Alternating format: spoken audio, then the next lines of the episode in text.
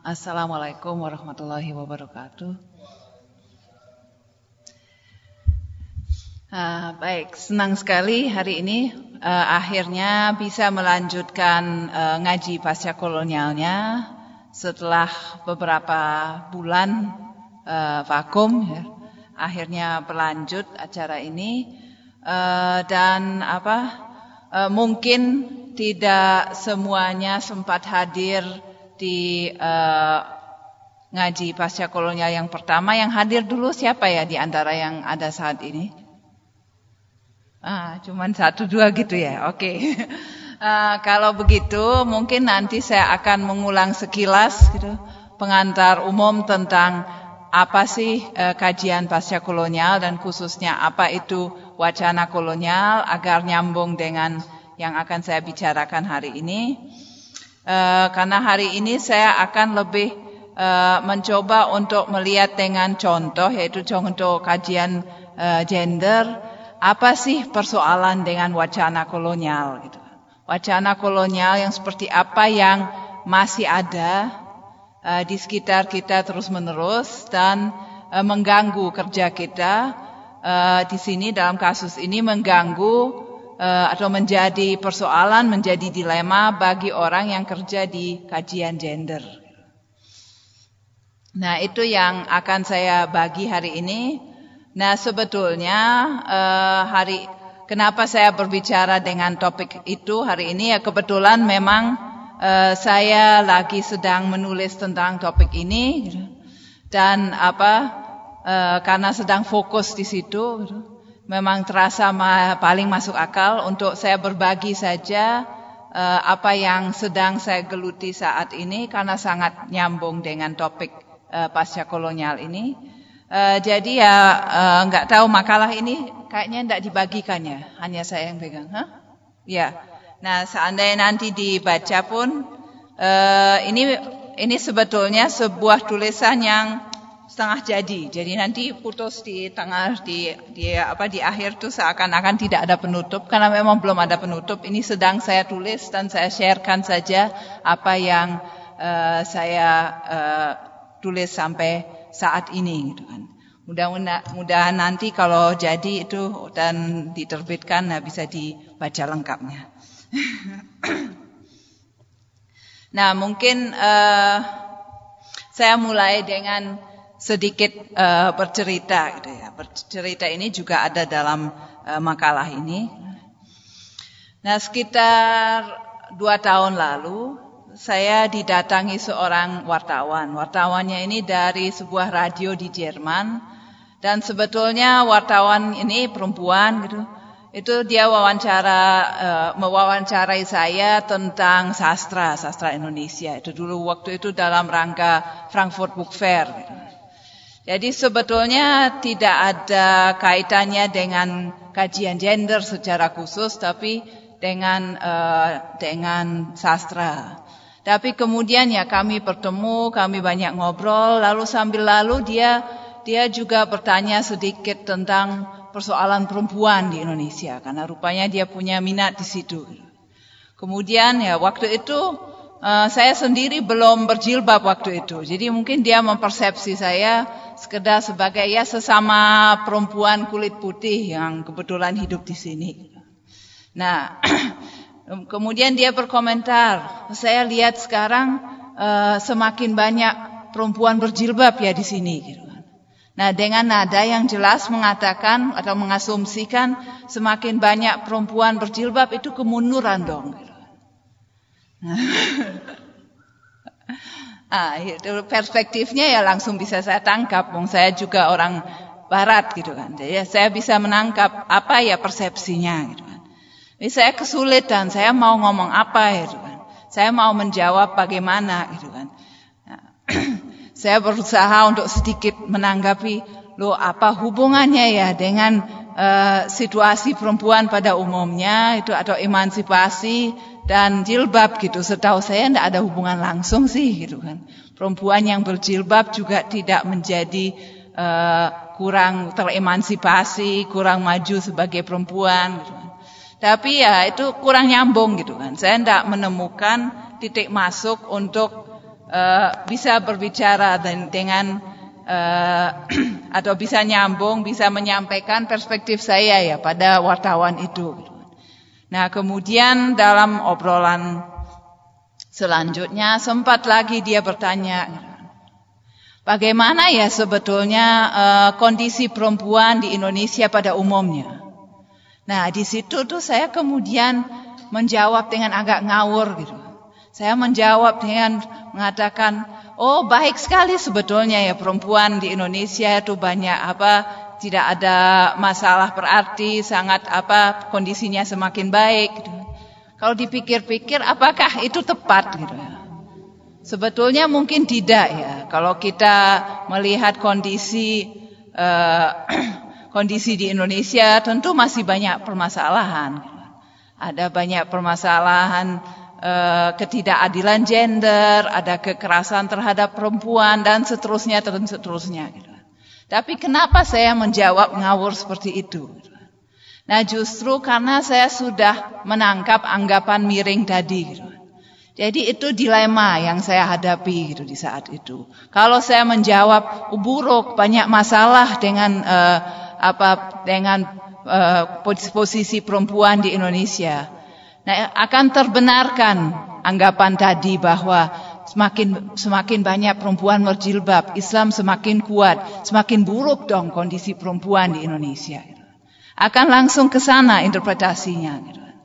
Nah, jadi ya, tapi kalau saya menjawab seperti yang saya jawab, ya saya bohong dong, karena saya sadar bahwa sebetulnya banyak masalah. Nah itu dilemanya. Bagaimana saya mau ngomong? Kalau saya jujur diinterpretasikan sebagai uh, apa? Ada kaitannya dengan Islam gitu. Kemudian kalau saya apa? Kalau saya bohong ya tidak benar juga. Gitu. Nah ini apa? Posisi sulit seperti ini uh, yang akan sedikit uh, saya bicarakan hari ini. Gitu. Oke. Nah, mungkin uh, saya akan mulai kemudian dengan sedikit mengulang apa yang sudah saya jelaskan. Kapan bulan berapa ya kemarin? April ya kayaknya itu ya. April kemarin. Apa itu kajian pasca kolonial? Nah, kajian pasca kolonial itu kajian yang berangkat dari kesadaran bahwa kolonialisme, terutama kolonialisme Barat atau Eropa uh, yang menjajah negara-negara lain di masa lalu, uh, itu memiliki uh, implikasi atau pengaruh yang sangat substansial terhadap uh, budaya dan juga psikologi manusia yang dijajah. Nah, uh, pengaruh tersebut tidak begitu saja putus dengan berakhirnya secara formal kolonialisme, tapi kolonialisme masih berlanjut dalam bentuk-bentuk yang berbeda dan apa pengaruhnya itu akibat-akibatnya juga masih dirasakan sampai sekarang. Nah, sehingga e, masyarakat e, yang e, pernah dijajah seperti masyarakat Indonesia itu yang kita sebut masyarakat pasca kolonial itu uh, relevan dikaji dengan selalu melihat konteks tersebut gitu kan. Apa sih implikasinya uh, bahwa masyarakat ini pernah dijajah dan sampai sekarang dalam arti tertentu masih dijajah oleh uh, negara-negara barat. Gitu kan. Nah, itu kajian pasca kolonial. Jadi kajian pasca kolonial ini Eh, berkaitan erat dengan relasi kekuasaan global. Jadi selalu menempatkan uh, budaya yang sedang dikaji dalam uh, konteks relasi kekuasaan global. Nah, kemudian apa itu wacana kolonial? Nah, wacana kolonial ini wacana, istilah wacana ini menggunakan konsep wacananya Michel Foucault. Nah, Michel Foucault adalah seorang pemikir Prancis. Nah, konsep wacananya itu secara sadar, uh, sederhana mungkin bisa dijelaskan. Gitu.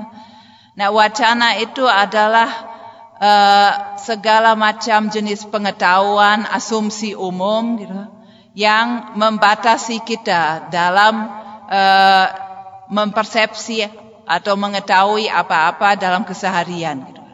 Jadi apa yang biasanya kita anggap sebagai uh, kebenaran, sebagai hal-hal yang memang sewajarnya begitu, nah itu dibatasi oleh wacana-wacana tertentu.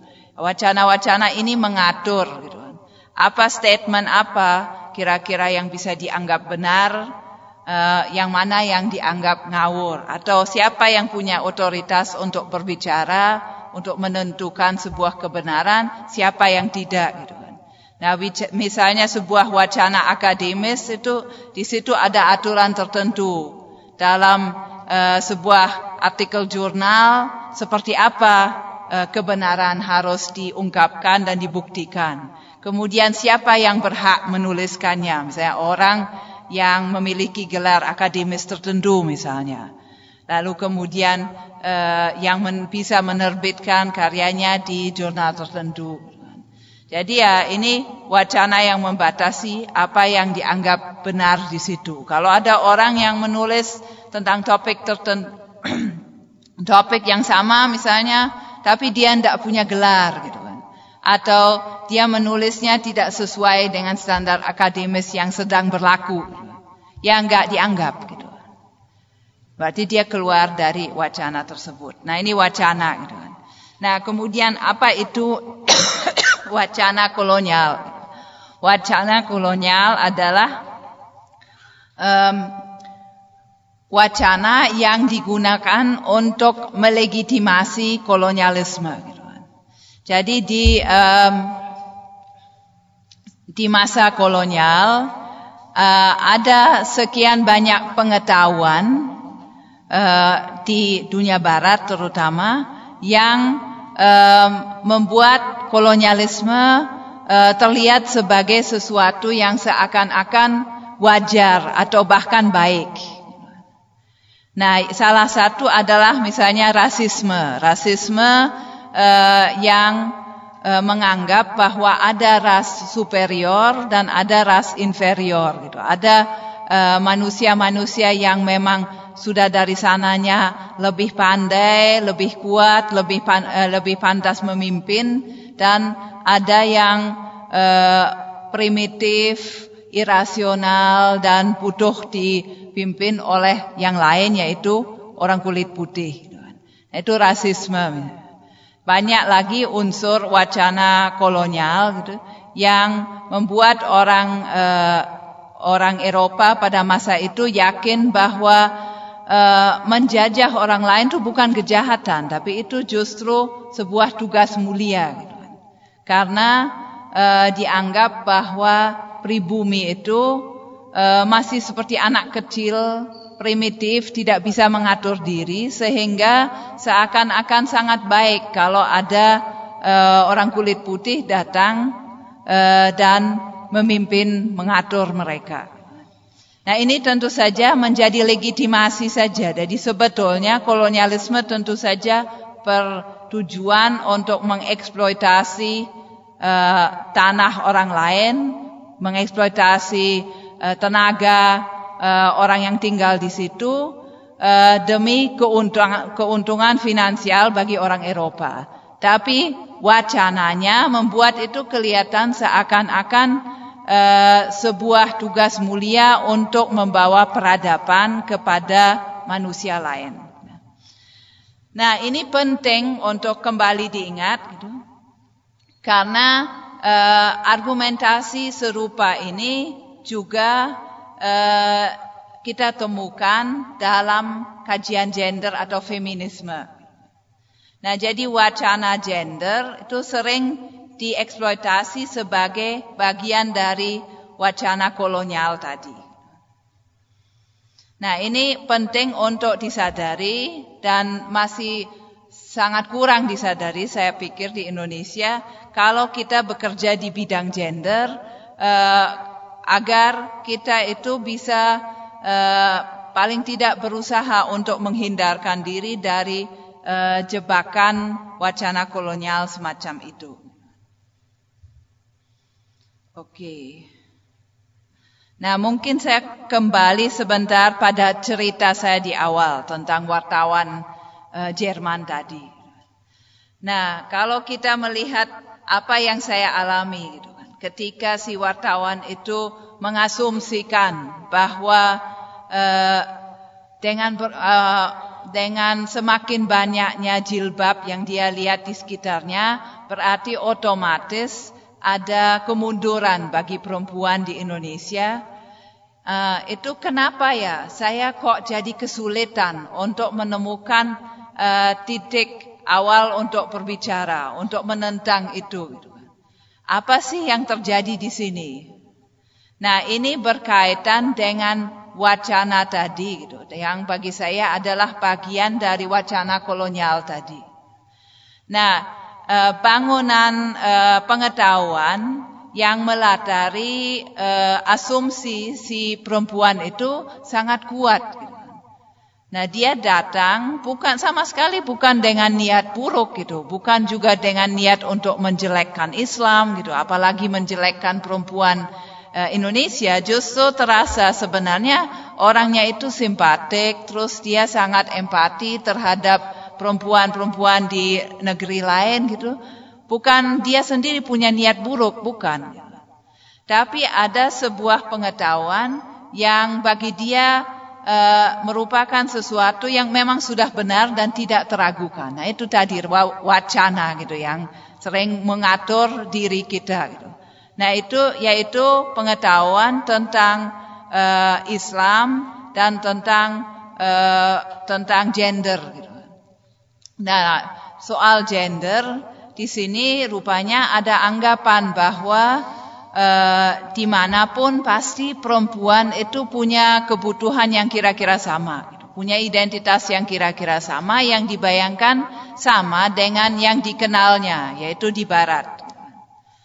Uh, nah, perempuan yang apa uh, dibayangkan ini itu adalah perempuan yang mungkin uh, ingin hidup uh, mengatur hidupnya dengan sebebas-bebasnya gitu kan. Nah, juga yang apa uh, tidak apa tidak ingin dikekang oleh agama apa pun gitu.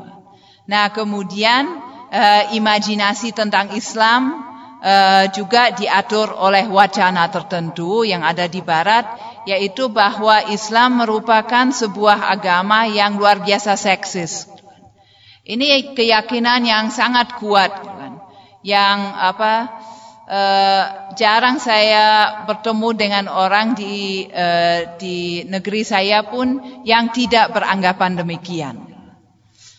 Nah, jadi apa keyakinan bahwa Islam sudah pasti menindas perempuan dan bahwa jilbab adalah bagian dari uh, penindasan itu. Nah, itu merupakan uh, pengetahuan yang sangat kuat.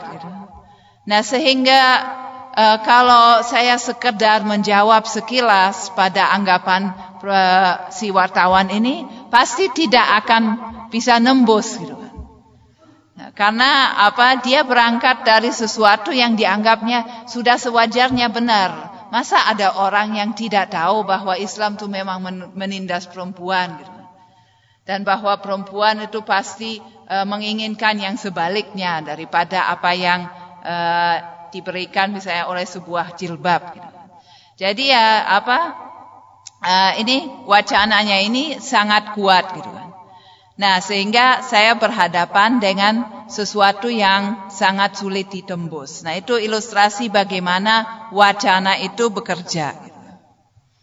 Nah, kemudian kita akan melihat bagaimana ini menjadi sebuah uh, wacana kolonial. Oke, tadi soal wacana kolonial sudah saya jelaskan sebetulnya. Nah, mungkin satu unsur yang tadi belum saya sebut, saya memperkenalkan tadi wacana kolonial sebagai sesuatu yang diyakini oleh penjajah. Nah, mirisnya lama-lama uh, manusia yang terjajah pun tentu saja tersentuh juga oleh wacana itu, sehingga lama-lama uh, manusia yang dijajah pun sering yakin bahwa sebetulnya dirinya itu kolot, tidak maju, uh, kurang dalam segala hal, sedang budaya Barat seakan-akan selalu superior dan lebih maju. Nah, kemudian soal kemajuan ini, uh, ini menarik ya. Apa yang melatari uh, pandangan uh, wacana kolonial seputar kemajuan dan kekolotan? Gitu. Nah, kenapa budaya Barat bisa disebut sebagai atau dianggap sebagai superior, kemudian semua budaya yang lain dianggap sebagai inferior? Nah, ada konsep kemajuan tertentu yang melatari itu, yaitu bahwa seluruh umat manusia uh, sedang menjalani uh, perkembangan yang kira-kira sama. Dari manusia primitif yang serupa dengan anak-anak menjadi semakin modern, menjadi semakin dewasa, maju. Nah, karena ini uh, dipandang sebagai apa? Eh, sebagai homogen sama untuk seluruh umat manusia. Nah, kemudian uh, manusia barat dianggap sebagai yang uh, paling maju, yang sudah paling sampai di ujung panah ini, sedangkan semua masyarakat yang lain seakan-akan belum nyampe gitu. Masih berada entah di mana di panah itu. Maka di masa kolonial kalau kita membaca teks-teks yang ditulis oleh penjajah termasuk uh, orang Belanda tentang Indonesia, sering kita jumpai komentar seakan-akan mereka merasa berjumpa dengan sesuatu yang pernah terjadi di Eropa sekian abad sebelumnya. Jadi mereka melihat masyarakat misalnya Jawa, oh ini mirip dengan uh, apa dengan uh, Eropa abad pertengahan misalnya. Jadi karena membayangkan uh, kemajuan seperti itu gitu. Semua masyarakat, semua budaya itu melewati tahap-tahap yang sama, berarti setiap budaya yang dijumpai seakan-akan berada di tahap-tahap yang sebelumnya sudah dilalui oleh Eropa. Nah, jadi itu uh, apa kira-kira konsep kemajuan yang melatari gitu, sehingga uh, setiap uh, masyarakat, setiap budaya dipetakan seperti itu gitu, dalam panah kemajuan yang sama, yang satu. Jadi ya ini kenapa bermasalah? Gitu. Nah terutama karena monolitis seperti itu. Siapa bilang bahwa Eh, semua manusia di seluruh dunia harus maju dengan cara yang sama. Nah itu yang uh, uh, dianggap apa ya pandangan uh, yang secara implisit ada di dalam uh, wacana kolonial itu yaitu bahwa seluruh umat manusia harus mengikuti jalan yang sama yang sudah dilalui oleh orang Barat. Dan itu yang pada dasarnya sekarang diwujudkan katakanlah tapi bukan sesuatu yang memang dari awalnya uh, digariskan seperti itu saya rasa gitu. Tapi uh, sesuatu yang memang dikonstruksi oleh kolonialisme gitu kan. Sehingga uh, semua orang di seakan-akan dipaksa atau diarahkan untuk uh, menciptakan hal yang sama seperti yang dimiliki orang Barat. Oke ya ini juga uh, bagian dari Eh, dari wacana kolonial sekilas saja ada anggapan bahwa uh, manusia barat memiliki tugas suci untuk uh, memperadabkan manusia lain yang dianggap belum beradab atau biadab.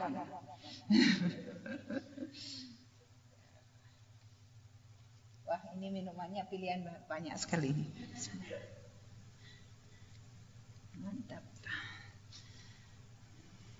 Oke, nah dengan demikian kan seakan-akan malah kolonialisme itu bukan sesuatu yang buruk, tapi berkah bagi e, manusia yang diperadabkan tadi daripada mereka primitif terus. Nah, oke, sekarang sampai pada topik inti kita, e, apa sih hubungannya e, wacana kolonial ini dengan feminisme?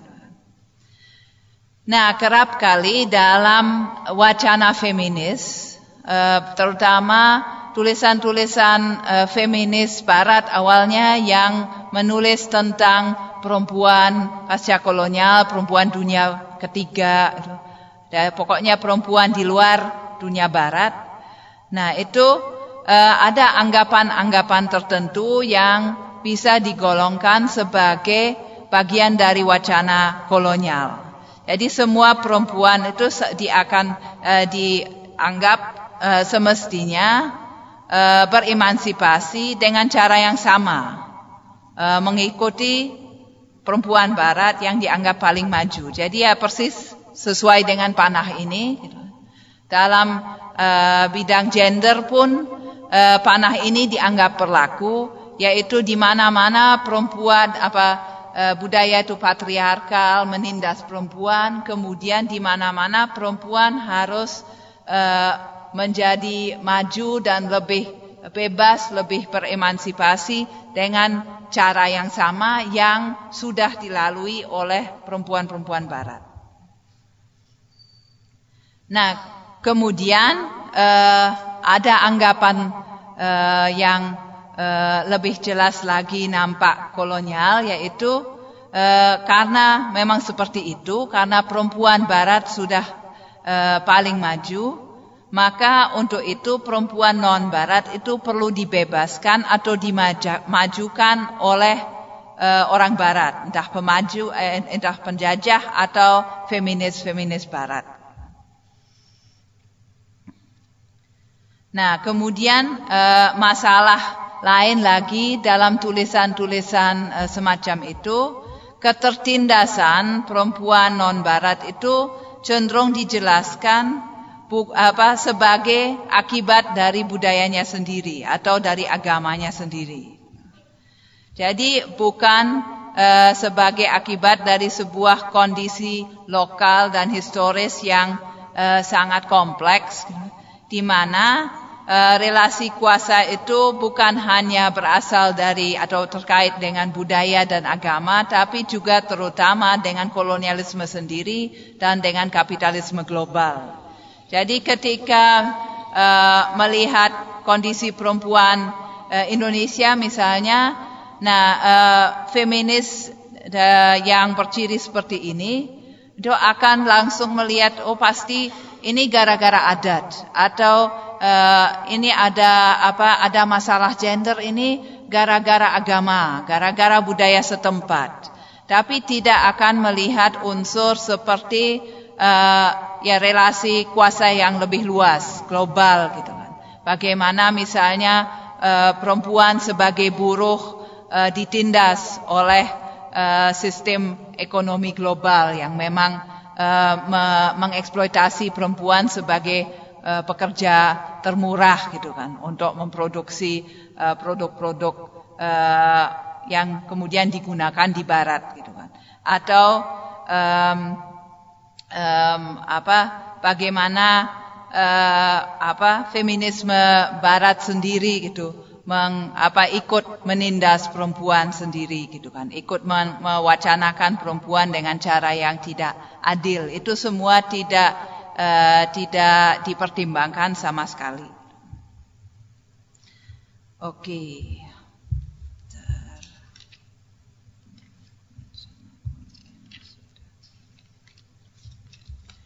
Nah, baik, saya sekarang akan uh, memberikan uh, beberapa contoh,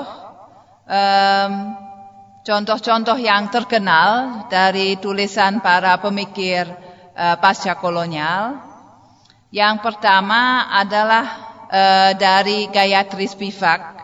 Saya rasa ya mungkin mayoritas sudah pernah mendengar namanya. Uh, pemikir India yang mengajar di Amerika Serikat dan menulis banyak sekali di kajian pasca kolonial termasuk tentang gender tapi tidak hanya tentang gender. Nah ini dari tulisannya yang paling banyak disebut, paling banyak dikenal, uh, Can the Subaltern Speak? Apakah yang subaltern itu bisa bicara dalam arti bisa bisa merepresentasikan diri atau harus direpresentasikan oleh orang lain? Itu kira-kira pertanyaannya. Gitu. Nah ini uh, dalam kutipan ini Spivak uh, mengatakan bahwa uh, subaltern jadi orang orang-orang yang paling bawah dalam strata sosial yang paling uh, tidak memiliki akses uh, untuk uh, meraih pengetahuan untuk ikut bersuara gitu di ruang publik Nah, uh, subaltern yang perempuan itu lebih sulit lagi posisinya. Uh, nah, itu yang uh, lebih uh, more deeply in the in shadow ya. Itu masih uh, lebih ter uh, lebih gelap lagi posisinya daripada subaltern yang laki-laki. Nah, ini kemudian um, Gayatri Spivak menggunakan contoh uh, Sarti. Sarti ini uh, sebetulnya tradisi yang sempat uh, sempat hidup juga di Bali, tapi tidak terlalu banyak dikaji. Gitu ya. Yaitu tradisi dalam agama Hindu, gitu, ya, dalam tradisi Hindu, di mana seorang janda itu uh, biasanya janda dari apa orang-orang uh, ningrat itu atau orang yang uh, berkedudukan cukup tinggi. Itu janda itu sebagai semacam tanda kesetiaan ketika si suami meninggal dan dibakar tuh janda itu ikut melompat ke dalam api. Uh, saat jenazah itu dibakar. Jadi dia membakar diri hidup-hidup katakanlah. Nah, yang menarik dibahas di sini, yang dibahas um, dibahas uh, Spivak di sini adalah uh, ternyata di masa kolonial ketika Inggris menjajah India uh, pro, sati ini banyak dipersoalkan. Kemudian uh, banyak dibicarakan. Nah menariknya yang membicarakan perempuan-perempuan uh, yang membakar diri ini adalah hampir semuanya laki-laki nah laki-laki ini uh, ada penjajah Inggris. Nah, kemudian ada pribumi, pribumi, pribumi, pribumi atau nasionalis. Jadi ada dua posisi, sama-sama laki-laki, sama-sama membicarakan eh, perempuan-perempuan yang membakar diri ini. Posisinya berseberangan. Nah, para laki-laki Inggris ini uh, melihat Sati ini sebagai sebuah tindakan keji, uh, kriminal gitu.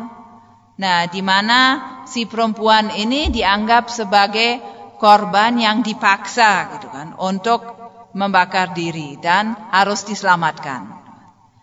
Nah, uh, dengan agak ironis um, Spivak ini uh, menamakan ini laki-laki putih menyelamatkan perempuan kulit coklat dari laki-laki kulit coklat.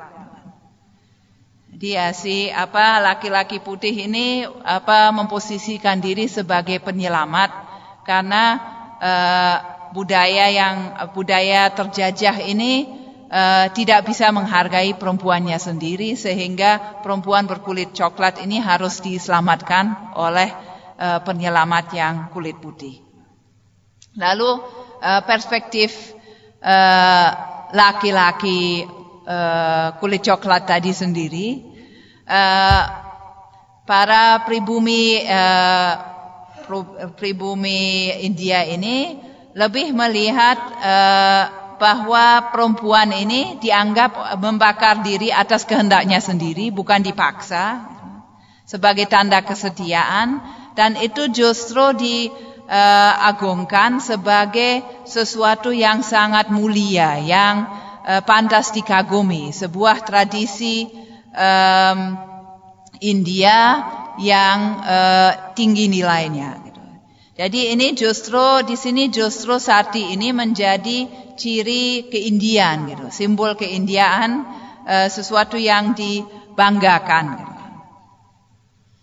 Nah kita bisa melihat ilustrasinya mungkin dari uh, pelukis yang menggambarkan itu dengan perspektif masing-masing. Ini perspektif eh, laki-laki kulit putih tadi, di mana digambarkan perempuannya apa gambarnya menyeramkan, perempuannya itu seakan-akan di, didorong atau dipaksa melompat. Selalu seluruh adegannya itu terkesan sangat menyeramkan.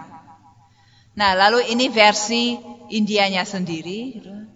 Jadi ada kondisi apa konteksnya ya lebih ke religius gitu.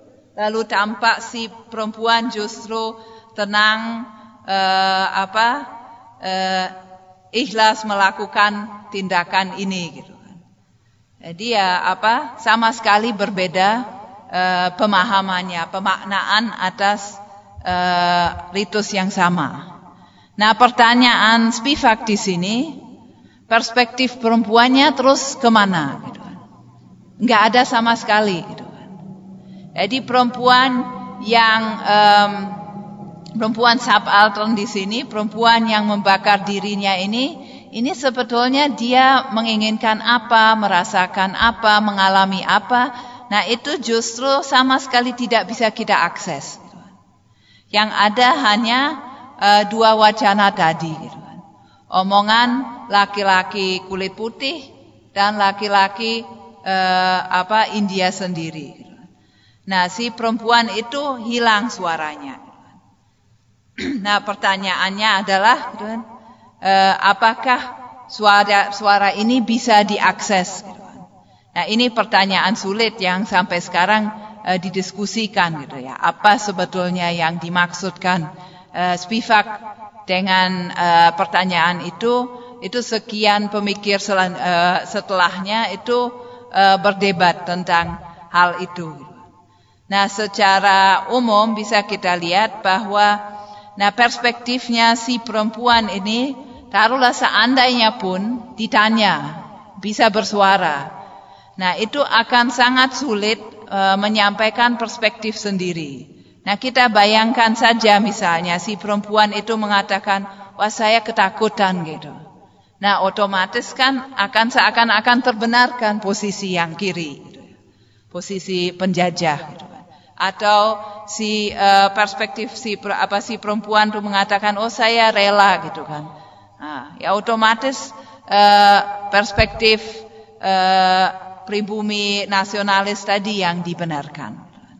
Jadi ya apakah bisa ya ada sebuah suara sendiri bagi si perempuan itu sangat sulit dibayangkan. Karena wacananya seakan-akan tidak tersedia sama sekali.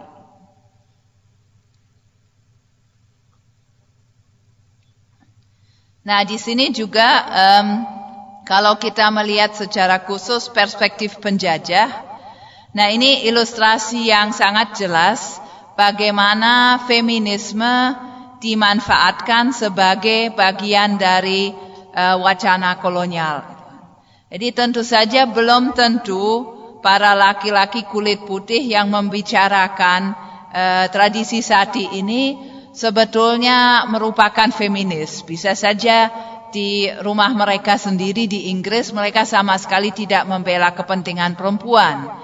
Tapi uh, ketika uh, ketika wacana seperti ini, omongan seperti ini menguntungkan posisi penjajah uh, karena melegitimasi kolonialisme membuat mereka terlihat harus ada karena harus ada penyelamat bagi perempuan-perempuan Malang yang dipaksa untuk membakar diri ini. Uh, maka uh, karena itu uh, apa mereka kemudian seakan-akan mengadopsi pos, apa uh, sikap feminis. Gitu ya. Jadi ya nampak sekali bagaimana feminisme dijadikan bagian dari wacana kolonial. Membuktikan bahwa budaya setempat, budaya India uh, itu kejam terhadap perempuannya sendiri sehingga perlu orang Inggris datang dan uh, membawa peradaban yang lebih manusiawi.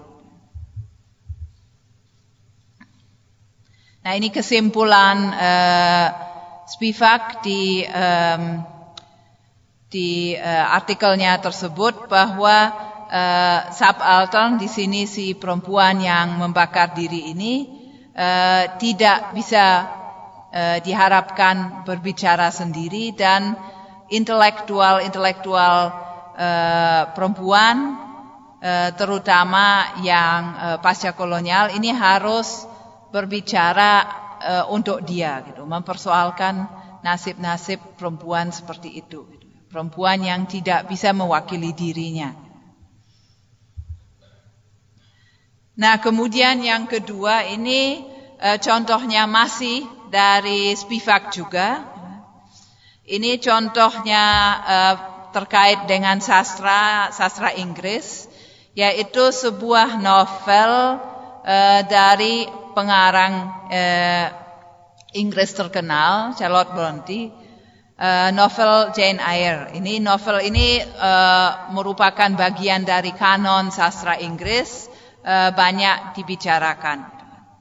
Nah, dan banyak dibicarakan juga sebagai salah satu novel pertama yang uh, menggambarkan perempuan dengan cara yang menarik, mungkin belum sepenuhnya feminis, tapi mungkin proto-feminis di sini. Jadi ya apa uh, dirayakan sebagai uh, awalnya feminisme di di Eropa. Nah, di dalam novel ini ada dua tokoh perempuan. Gitu. Yang pertama itu sangat positif, mandiri, uh, mengundang simpati pembaca, yaitu Jane, perempuan Inggris. Gitu. Yang kedua itu tokoh yang mengerikan, yang hanya muncul sebagai ancaman, itu Berta. Gitu. Berta ini perempuan Kreol dari Karibik. Jadi sebetulnya masih uh, kulit putih juga, tapi berasal dari uh, dari luar Eropa, gitu, dari uh, tempat jajahan, gitu, dari Karibik, gitu. dan apa uh, dipersepsi sebagai tidak sepenuhnya Eropa, gitu, sifatnya apa uh, identitasnya. Nah, perempuan ini digambarkan sebagai uh, istri pertama eh, laki-laki uh, yang dicintai oleh Jane. Dan uh, istri ini uh, menjadi gila gitu. Dan kemudian dikunci di sebuah ruangan tertutup di rumah yang mereka yang dihuni oleh si laki-laki itu. Dan kadang-kadang mengamuk dan akhirnya membakar rumah itu dan menimbulkan musibah. Jadi sebenarnya karakter yang tidak sepenuhnya muncul dalam novel itu hanya sekilas-sekilas sebagai sosok mengerikan. Nah, umumnya sebelumnya feminisme barat, apa feminis-feminis yang membahas karya sastra itu um, cenderung merayakan tokoh Jane sebagai tokoh perempuan yang mulai digambarkan sangat mandiri positif, jadi perempuan yang mandiri hidup mandiri itu tidak uh, sepenuhnya menggantungkan diri pada laki-laki itu mulai digambarkan secara positif. Gitu. Sedangkan Berta ini dimaknai sebagai uh, semacam lambang, jadi mungkin sisi gelapnya perempuan atau apa. Gitu. Nah, Spivak melacak bahwa ternyata ada ideologi imperialis dalam novel ini. Jadi um, tokoh Perta ini uh, digambarkan sebagai gila, berbahaya, mengerikan. Nah, dia mewakili dunia yang dibayangkan tadi belum beradab gitu kan. dan perlu diperadabkan, perlu ditindas, ditundukkan. Gitu kan. Nah, jadi ini ada ideologi imperialisme di sini, uh, yaitu yang menjadi kembali menjadi legitimasi kolonialisme. Jadi sambil lalu eh, kolonialisme juga sempat dibicarakan dalam eh, novel itu ada tokoh yang eh, berangkat ke Karibik atau ke India gitu dan apa itu sempat disebut tapi tidak menjadi alur utama dalam novel tersebut gitu. Jadi seakan-akan disembunyikan. Nah, ini uh, menarik ya gimana kita melihat bahwa uh, dalam pembahasan satu novel itu se, uh, sebelum Spivak ini uh, mengungkapkan unsur imperialis itu, itu novel itu dilihat sama sekali tanpa menyadari adanya unsur uh, kolonial dalam novel itu dan sekedar apa uh, memujinya sebagai novel yang mengandung uh, imaji perempuan menarik.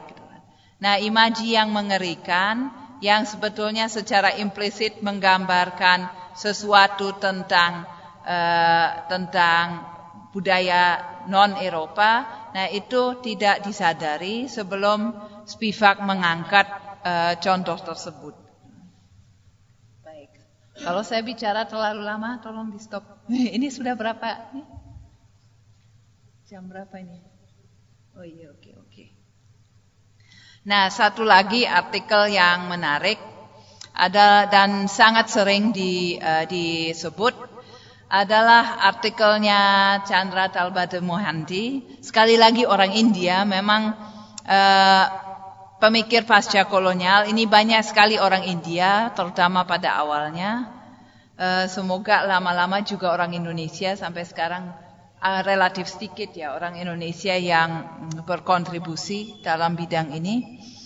Nah, uh, ini juga salah satu penelitian agak awal. Nah, tentang apa yang ditulis para apa ditulis oleh peneliti-peneliti Barat, feminis-feminis Barat tentang perempuan dunia ketiga.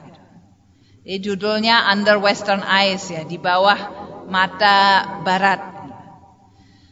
Nah, di sini uh, Mohanty ini melacak uh, dengan mengambil contoh satu seri uh, seri buku yang secara khusus membahas perempuan uh, di dunia ketiga. Nah, uh, di sini Mohanty melacak bagaimana um, Eh, bagaimana feminis barat menggambarkan atau mempersepsi perempuan-perempuan dunia ketiga. Nah, umumnya memang buku ini eh, buku-buku ini uh, seperti juga wartawan yang saya ceritakan tadi ya, memiliki niat yang sangat baik yaitu uh, ingin penuh empati menggambarkan uh, Eh, pengalaman atau kehidupan perempuan-perempuan di dunia non-barat. Nah, tapi ada kecenderungan-kecenderungan tertentu yang menyusup di sini yang sebetulnya sangat tidak produktif gitu. Yaitu uh, pertama, ada pandangan universalis gitu, bahwa seakan-akan perempuan, pengalaman perempuan pada dasarnya sama-sama uh, uh, sama di mana-mana jadi seakan-akan ada persaudaraan perempuan sedunia.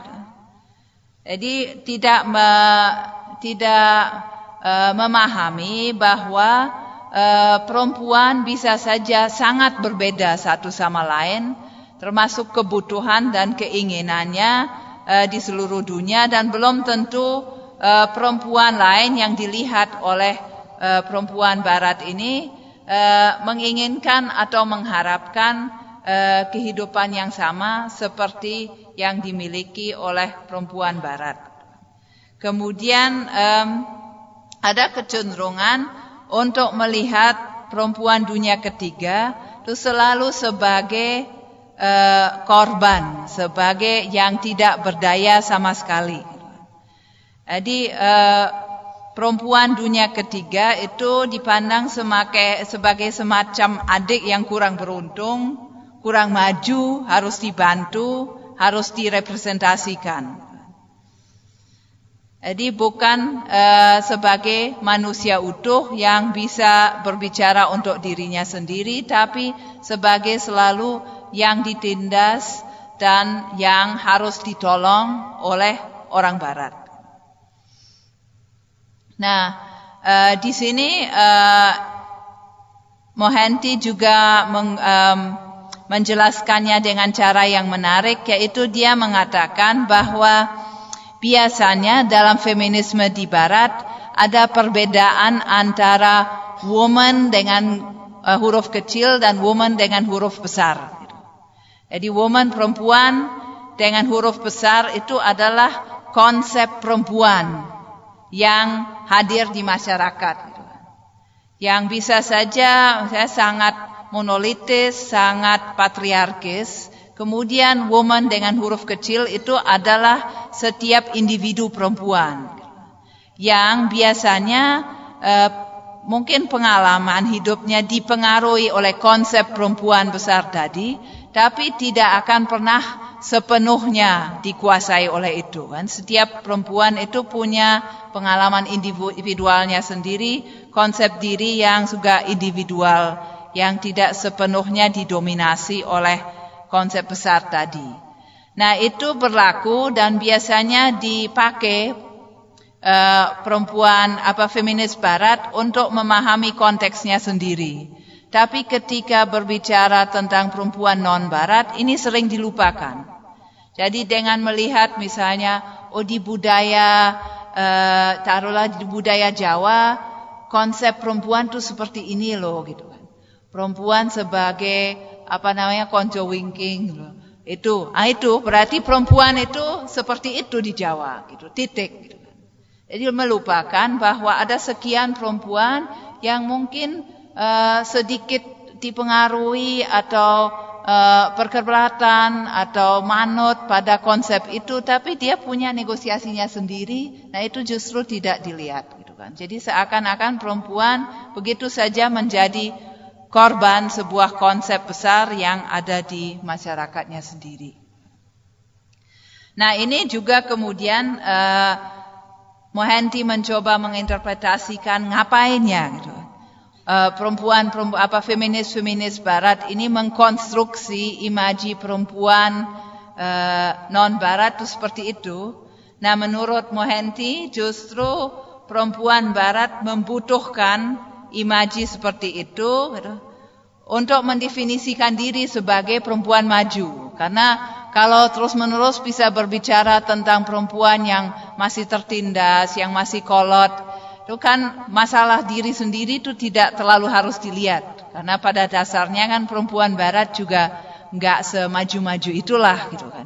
Nggak seberes itu juga kondisinya gitu.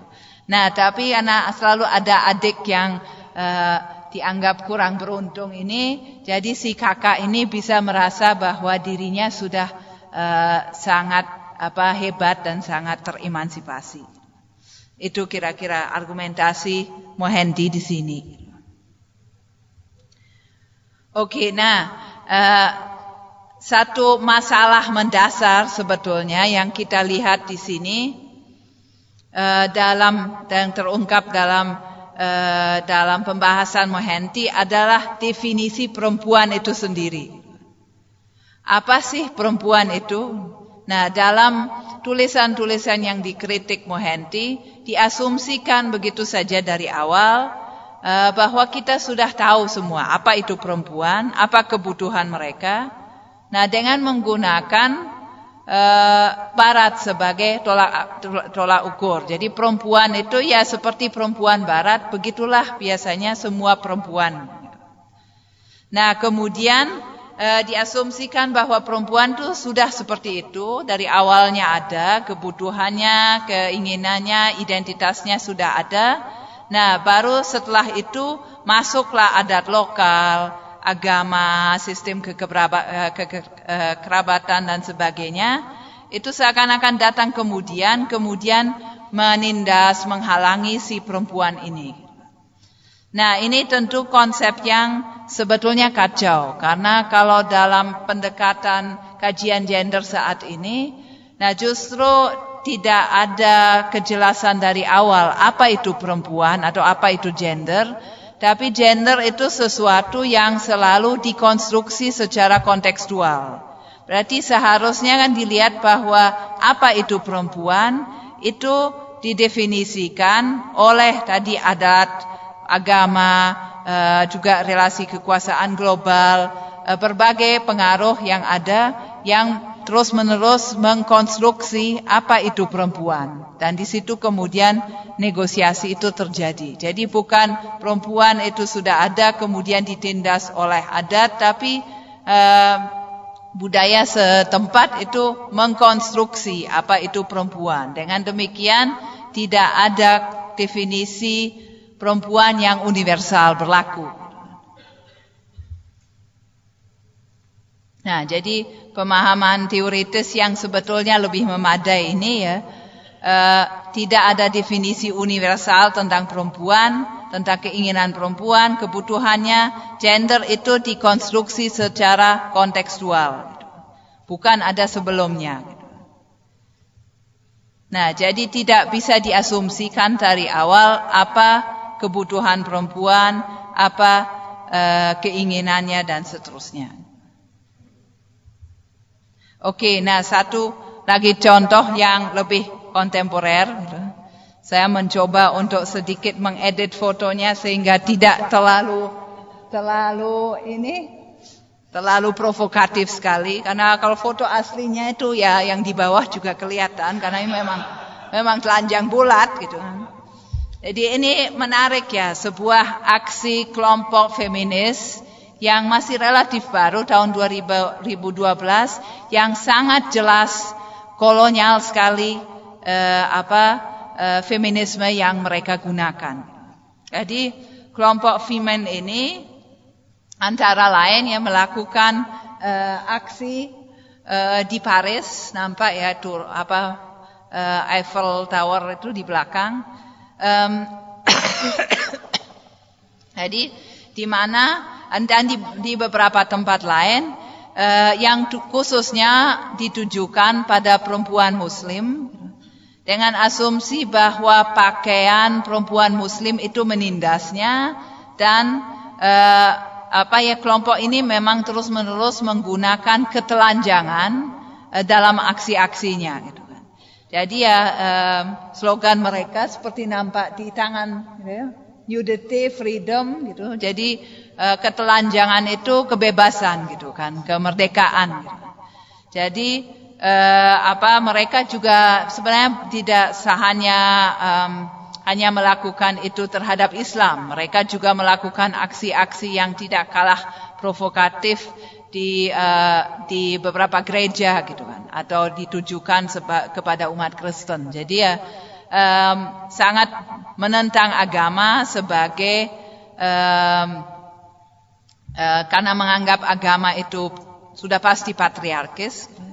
Nah, di sini mereka melakukan aksi seperti itu, sempat menggunakan burka, kemudian membukanya dan mengajak uh, perempuan Muslim untuk uh, bertelanjang. Nah, ini kemudian berlanjut gitu ya di um, tahun berikutnya ada seorang aktivis Tunisia uh, yang uh, memposting foto seperti ini gitu ya di kanan dengan tulisan dalam bahasa Arab tubuhku adalah milikku bukan sumber kehormatan orang lain. Nah kemudian um, nah ini dia aktivis ini memang juga uh, bagian atau melakukan itu untuk kelompok Femen Dadi. Nah kemudian um, uh, Amina Taylor ini menghilang gitu, um, dan apa uh, direpresi di negaranya gitu. atau mungkin dia menghilang uh, harus menghilang karena memang banyak aksinya ini banyak dikritik kemudian uh, ada reaksi yang luar biasa uh, di mana-mana di dunia uh, di mana misalnya pada 4 April ini terjadi topless jihad day gitu kan. Di apa, apa yang kadang-kadang di depan kedutaan atau apa di depan kedutaan Tunisia um, di beberapa tempat itu ada aksi-aksi bertelanjang rame-rame dan juga ada sekian banyak apa oh ya itu enggak ada di sini sekian banyak uh, gambar yang beredar di Twitter di internet gitu kan apa dia lewat media sosial di mana orang bertelanjang dalam posisi-posisi yang bisa diasosiasikan dengan Islam. Ini memang gambarnya tidak saya pasang karena kelewat menghina sekali. Misalnya ada seorang perempuan yang uh, telanjang gitu, dengan tulisan gitu, kemudian uh, memakai handuk menutup kepalanya dalam posisi seakan-akan sedang sholat. Gitu. Jadi ya posisi-posisi seperti itu gitu kan, foto-foto seperti itu beredar terus menerus. Nah, um, Di sini kita bisa melihat dengan sangat jelas gitu. Nah, betapa uh, tidak apa uh, tidak ada uh, pemahaman sama sekali tentang pluralitas perempuan atau penghormatan terhadap pluralitas perempuan. Jadi dianggap begitu saja bahwa pemahaman kelompok radikal ini bahwa mem, uh, menelanjangkan tubuh sendiri adalah aksi membebaskan diri, itu dianggap berlaku secara universal begitu saja dan uh, tanpa bertanya pada perempuan-perempuan yang bersangkutan, itu uh, pakaian yang tertutup dianggap sebagai uh, penindasan yang datang dari luar, yang pasti tidak diinginkan oleh si perempuan sendiri. Di mana kemudian nah mereka merasa bahwa mereka harus mengajak gitu kan, mem, nah memperadabkan terasa konyol sekali ya menggunakan kata itu dalam konteks ini gitu kan tapi konteks mereka pemahaman mereka mungkin begitu gitu ya mem, memperkenalkan kebebasan pada perempuan yang ditindas oleh uh, aturan pakaian tertentu. Nah, kemudian menariknya muncul juga banyak foto di di Twitter juga atau di sosial media juga yang memprotes. Jadi ya ini misalnya perempuan ini memegang tanda itu ya nudity does not liberate me and I do not need saving. Jadi ketelanjangan tidak membebaskan saya dan saya tidak perlu diselamatkan. Jadi secara langsung menangkap ideologi uh, kolonial itu, kok kalian merasa perlu menyelamatkan saya? Saya nggak perlu diselamatkan oleh kalian dan saya tidak merasa perlu telanjang untuk merdeka gitu ya. Atau yang ini juga gitu ya.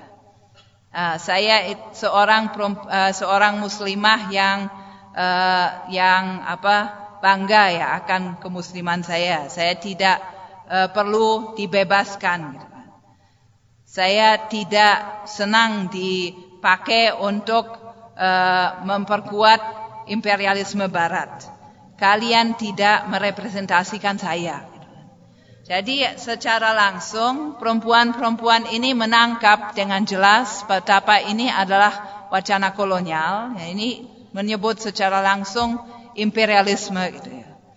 Dan merasa betapa mereka kalau direpresentasikan uh, tanpa ditanya gitu dan mereka protes gitu. Jadi di sini nampak dengan jelas interaksi yang ada juga saya rasa nampak ya hal yang bisa disebut mungkin menggembirakan yaitu untuk perempuan-perempuan yang ini tidak 100% berlaku apa yang di apa diagnosis oleh Spivak tadi ya bahwa the subaltern cannot speak. Nah, ternyata mereka bisa bicara, mereka bisa menjawab dan memprotes uh, perlakuan tersebut. Nah, uh, sedikit lagi ya satu hal lagi kembali kepada dilema gitu ya. Dilema yang saya sebut tadi. Gitu.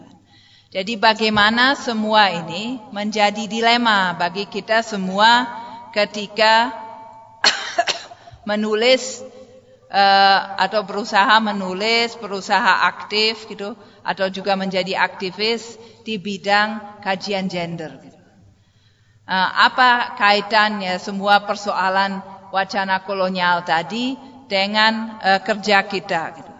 Nah ini uh, seorang sosiolog Kanada, gitu, Jasmine Zain, ini menulis artikel yang dalam terjemahan ya kalau saya terjemahkan judulnya kira-kira antara orientalisme dan fundamentalisme perempuan muslim dan keterlibatan feminis. Nah, Di situ dia melacak betapa perempuan muslim yang bekerja di bidang gender itu selalu otomatis terjebak antara dua jenis penindasan yang sama-sama patriarkis. Yang pertama itu imperialisme dan islamofobia, yang kedua fundamentalisme yang memang uh, terdapat juga di dunia Islam sendiri. Nah, di sini dalam kutipannya yang mungkin spontan saya uh, terjemahkan. Nah, ketika kita di sini kita itu feminis Muslim, gitu, berusaha untuk mengekspos masalah uh, seksisme di komunitas kita sendiri, kita akan uh, akan mau tidak mau akan menjadi korban rasisme dan islamofobia gitu, yang secara apa negatif mengesensialisasi eh, pengalaman-pengalaman uh, yang kita uh, ungkapkan sebagai uh, hal yang mendefinisikan Islam dan Muslim secara umum.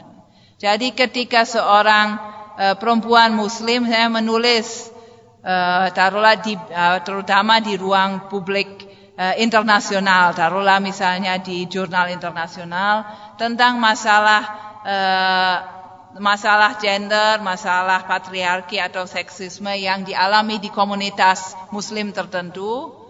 Nah, ini tentu tujuannya mungkin sekedar untuk mendefinisikan masalah yang ada agar bisa dihadapi di uh, konteks tertentu.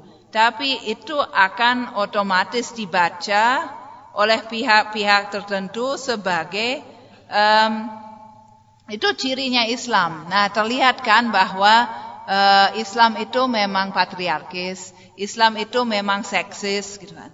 Jadi akan diesensialisasi, dilihat sebagai ini uh, memang ciri khasnya Islam, bukan uh, masalah yang berada yang yang terjadi dalam konteks lokal historis tertentu di kelompok tertentu, tapi uh, itu merupakan ciri khas Islam secara umum. Gitu.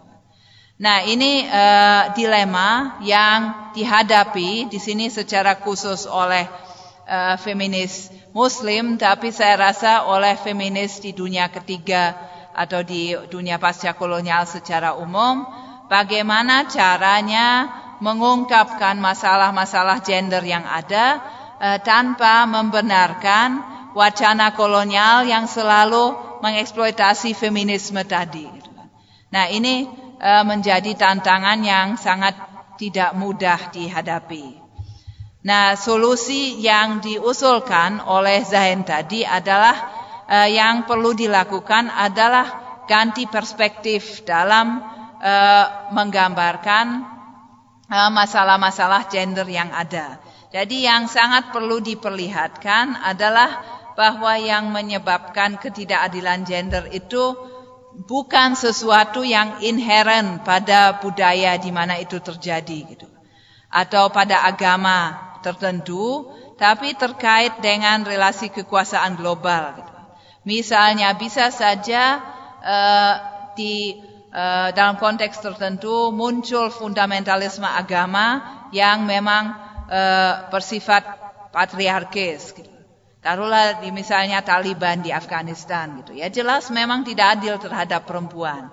Nah, tapi itu terjadi bukan murni e, karena memang misalnya agama Islam itu bersifat seperti itu, tapi karena ada konteks relasi kekuasaan tertentu yang memicu timbulnya gerakan-gerakan seperti itu. Bisa jadi karena kemiskinan, karena globalisasi, karena uh, kesenjangan sosial ataupun uh, karena intervensi dari luar yang lain dalam uh, konteks Taliban misalnya kita tentu tahu ada kaitan dengan dengan komunisme dan sebagai perang Amerika terhadap komunisme misalnya. Jadi ya perlu ditekankan unsur-unsur seperti itu sehingga untuk mengcounter tadi anggapan seakan-akan ketidakadilan gender itu inherent dalam e, budaya lokal atau dalam agama tertentu. Nah, itu mungkin uh, usul atau apa salah satu cara yang bisa ditempuh untuk uh, untuk uh, sedikit menyiasati uh, dilema yang kita hadapi tersebut.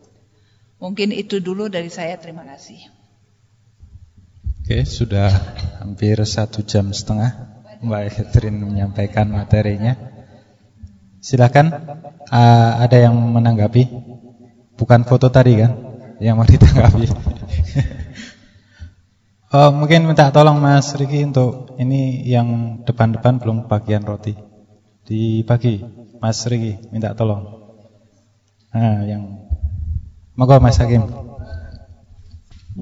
bahwa tadi dikatakan bahwa gender dan feminis itu bagian dari uh, wacana postkolonial. Pertanyaan saya dalam konteks apa? Post itu gender dan dalam konteks apa itu bisa dikatakan postkolonial?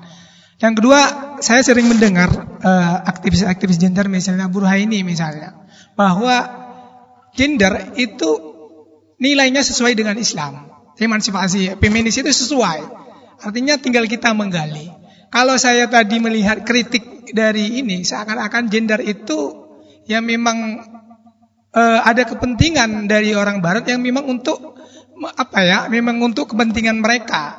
Bu, ya, kalau saya melihat dari tadi, kalau saya lebih ini, lebih fokus tadi, apakah memang benar uh, uh, gender itu ada kesamaan nilai dengan Islam? Gitu, Misalnya tadi misalnya dikritik, misalnya di gender itu dikritik dalam hal apa? Itu. Saya juga agak ini juga karena biasanya kalau saya ngaji-ngaji yang gender itu kan saya, kayak Bu Rohaini asalnya Bu anu Bu Kiptia siapa tuh? Seakan-akan dia lebih condong kepada wacana ini. Ketika saya ngaji hari ini, seakan-akan runtuh semua ini loh. bahwa memang wacana gender dan feminis ini memang jelek kalau dilihat dari perspektif postkolonial itu. Nah, makanya saya tanya ini dalam hal konteks apa gitu loh, Pak. Oke, terima kasih. Lanjut, Mbak Oke, pertama mungkin perlu ditekankan ulang kan yang saya gambarkan tadi adalah bagaimana wacana kolonial bisa mengeksploitasi argumen-argumen feminisme gitu kan. Mengeksploitasi kan, bukan berarti bahwa um, feminisme memang pada uh, pada dasarnya selalu bertujuan kolonial gitu kan. Um, feminisme bisa berbagai macam, tapi dalam uh, wacana kolonial feminisme sering digunakan gitu kan. Nah, mungkin salah satu contoh kontemporer juga uh, ketika terjadi uh, perang di Afghanistan gitu. Amerika gitu termasuk Presiden Bush dan istrinya sering sekali menekankan uh, nasib buruk perempuan Afghanistan. Perempuan Afghanistan ini perlu ditolong, perlu diselamatkan. Jadi seakan-akan perang itu terjadi untuk menyelamatkan perempuan gitu kan. Tentu saja itu retorika kosong gitu. Kita tahu bahwa perangnya pasti bukan karena itu gitu kan. Karena berapa banyak negara lain yang mungkin nasib perempuannya tidak kalah miris kok tidak diperangi gitu kan. Di samping itu ya masa dengan perang gitu ya. Jadi ya itu retorika yang dimanfaatkan oleh orang-orang yang mungkin juga belum tentu sebetulnya bisa disebut feminis, tapi retorika itu dipinjam, dieksploitasi gitu. Jadi itu yang kita lihat tadi kan. Nah, dilema yang kemudian di, dihadapi oleh orang yang uh, ingin berangkat dari perspektif pasca kolonial gitu dan ingin berbicara tentang gender adalah bagaimana kita berbicara tentang gender gitu tentang uh, masalah atau bias gender yang mungkin uh, ada dalam setiap masyarakat tanpa uh, bisa diserap digunakan gitu oleh uh, oleh wacana kolonial tadi gitu kan. Jadi bagaimana bicara uh, tanpa nanti orang-orang itu bisa menggunakan saja itu apa yang kita ungkapkan sebagai data gitu. Ya benar kan? Nah, itu dia apa para misalnya para muslim sendiri yang ngomong kan, perempuan muslim sendiri kan ngomong kan, berarti mereka merasa ditindas. Oh benar kan argumen kita gitu kan. Nah, dan bagaimana caranya menghadapi situasi itu? Nah, itu tadi dilema yang yang mau saya uh, saya uh, angkat gitu kan.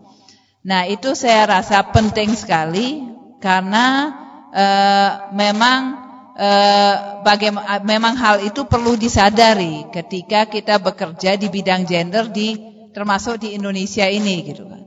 Supaya tidak uh, secara lugu masuk dalam uh, jebakan tertentu ini gitu. Nah, jadi hubungan antara gender dengan pasca kolonial itu ada di situ gitu kan. Kemudian juga ya dalam kompleksitas tadi seperti yang tampak dalam uh, elaborasi um, elaborasi Spivak tadi. Misalnya beberapa uh, kajian gender feminis awal di barat seperti misalnya yang menggunakan novel Jane Eyre itu ternyata ada unsur uh, imperialismenya tanpa disadari. Nah, bagaimana ini dihadapi gitu? Atau uh, kasus Sati tadi gitu kan, di mana uh, yang laki-laki Indianya sendiri juga juga tidak 100% adil terhadap perempuan. Jadi bagaimana sih sebenarnya posisi perempuannya kan rumit. Nah, ini yang apa perlu di, uh, dipersoalkan. Kalau dalam konteks pasca kolonial sebenarnya perempuan mengalami apa? Mengalami penindasan seperti apa oleh siapa saja gitu kan. Jangan-jangan oleh banyak pihak, pihak penjajah, pihak um, pihak apa eh, laki-laki uh, lokal gitu, budaya lokal. Jadi ya apa uh, rumit gitu kan posisinya. Jadi itu yang kira-kira mulai sedikit dimasuki di sini. Nah kemudian eh, tanggapan kedua itu menarik ya gitu. Mungkin juga karena saya kan tidak tahu ya konteksnya kalian selama ini mengenal eh, kajian gender seperti apa gitu. Ternyata yang dikenal malah kajian gender yang berargumentasi eh, bahwa uh, feminisme atau kajian gender itu sesuai dengan Islam dan tidak ada pertentangan apa-apa gitu. Nah, saya merasa itu di satu sisi ini menarik gitu ya. Dan saya saya tahu ya ada banyak kajian seperti itu uh, yang kadang berargumentasi bahwa ya sebetulnya Al-Qur'an itu sudah feminis gitu kan kira-kira ya. Nah, uh, saya rasa itu di satu sisi itu menarik karena menambah perspektif yang berbeda kan. Kita tadi melihat bahwa sering uh, feminisme terutama feminisme yang berciri kolonial tadi itu universalis gitu. Seakan-akan perempuan di mana pun sama perspektifnya. Nah ini menunjukkan bahwa uh, belum tentu demikian. Bisa saja seorang perempuan itu me merasa feminis dan apa um, merasa itu tidak bertentangan sama sekali dengan agamanya gitu. Nah, di sisi lain bagi saya kajian seperti itu selalu sedikit bermasalah karena uh, agak ahistoris dan tidak melihat relasi kekuasaan. Nah, maksud saya begini gitu. Bagaimanapun feminisme yang pada umumnya digunakan uh, saat ini di di seluruh dunia termasuk di Indonesia itu biasanya merujuk pada feminisme barat. Nah, dan kemudian itu dikawinkan taruhlah dengan um, dengan pemahaman agama gitu. Nah, apa uh, itu tetap perlu dilihat bahwa di situ pasti ada negosiasi tertentu dan ada hal-hal tertentu dari uh, feminisme yang berkembang awalnya di barat ini yang belum tentu sesuai dengan uh, dengan agama gitu kan. Jadi eh, kadang-kadang seakan-akan ya apa yang apa yang uh, bertentangan itu dihilangkan begitu saja gitu kan.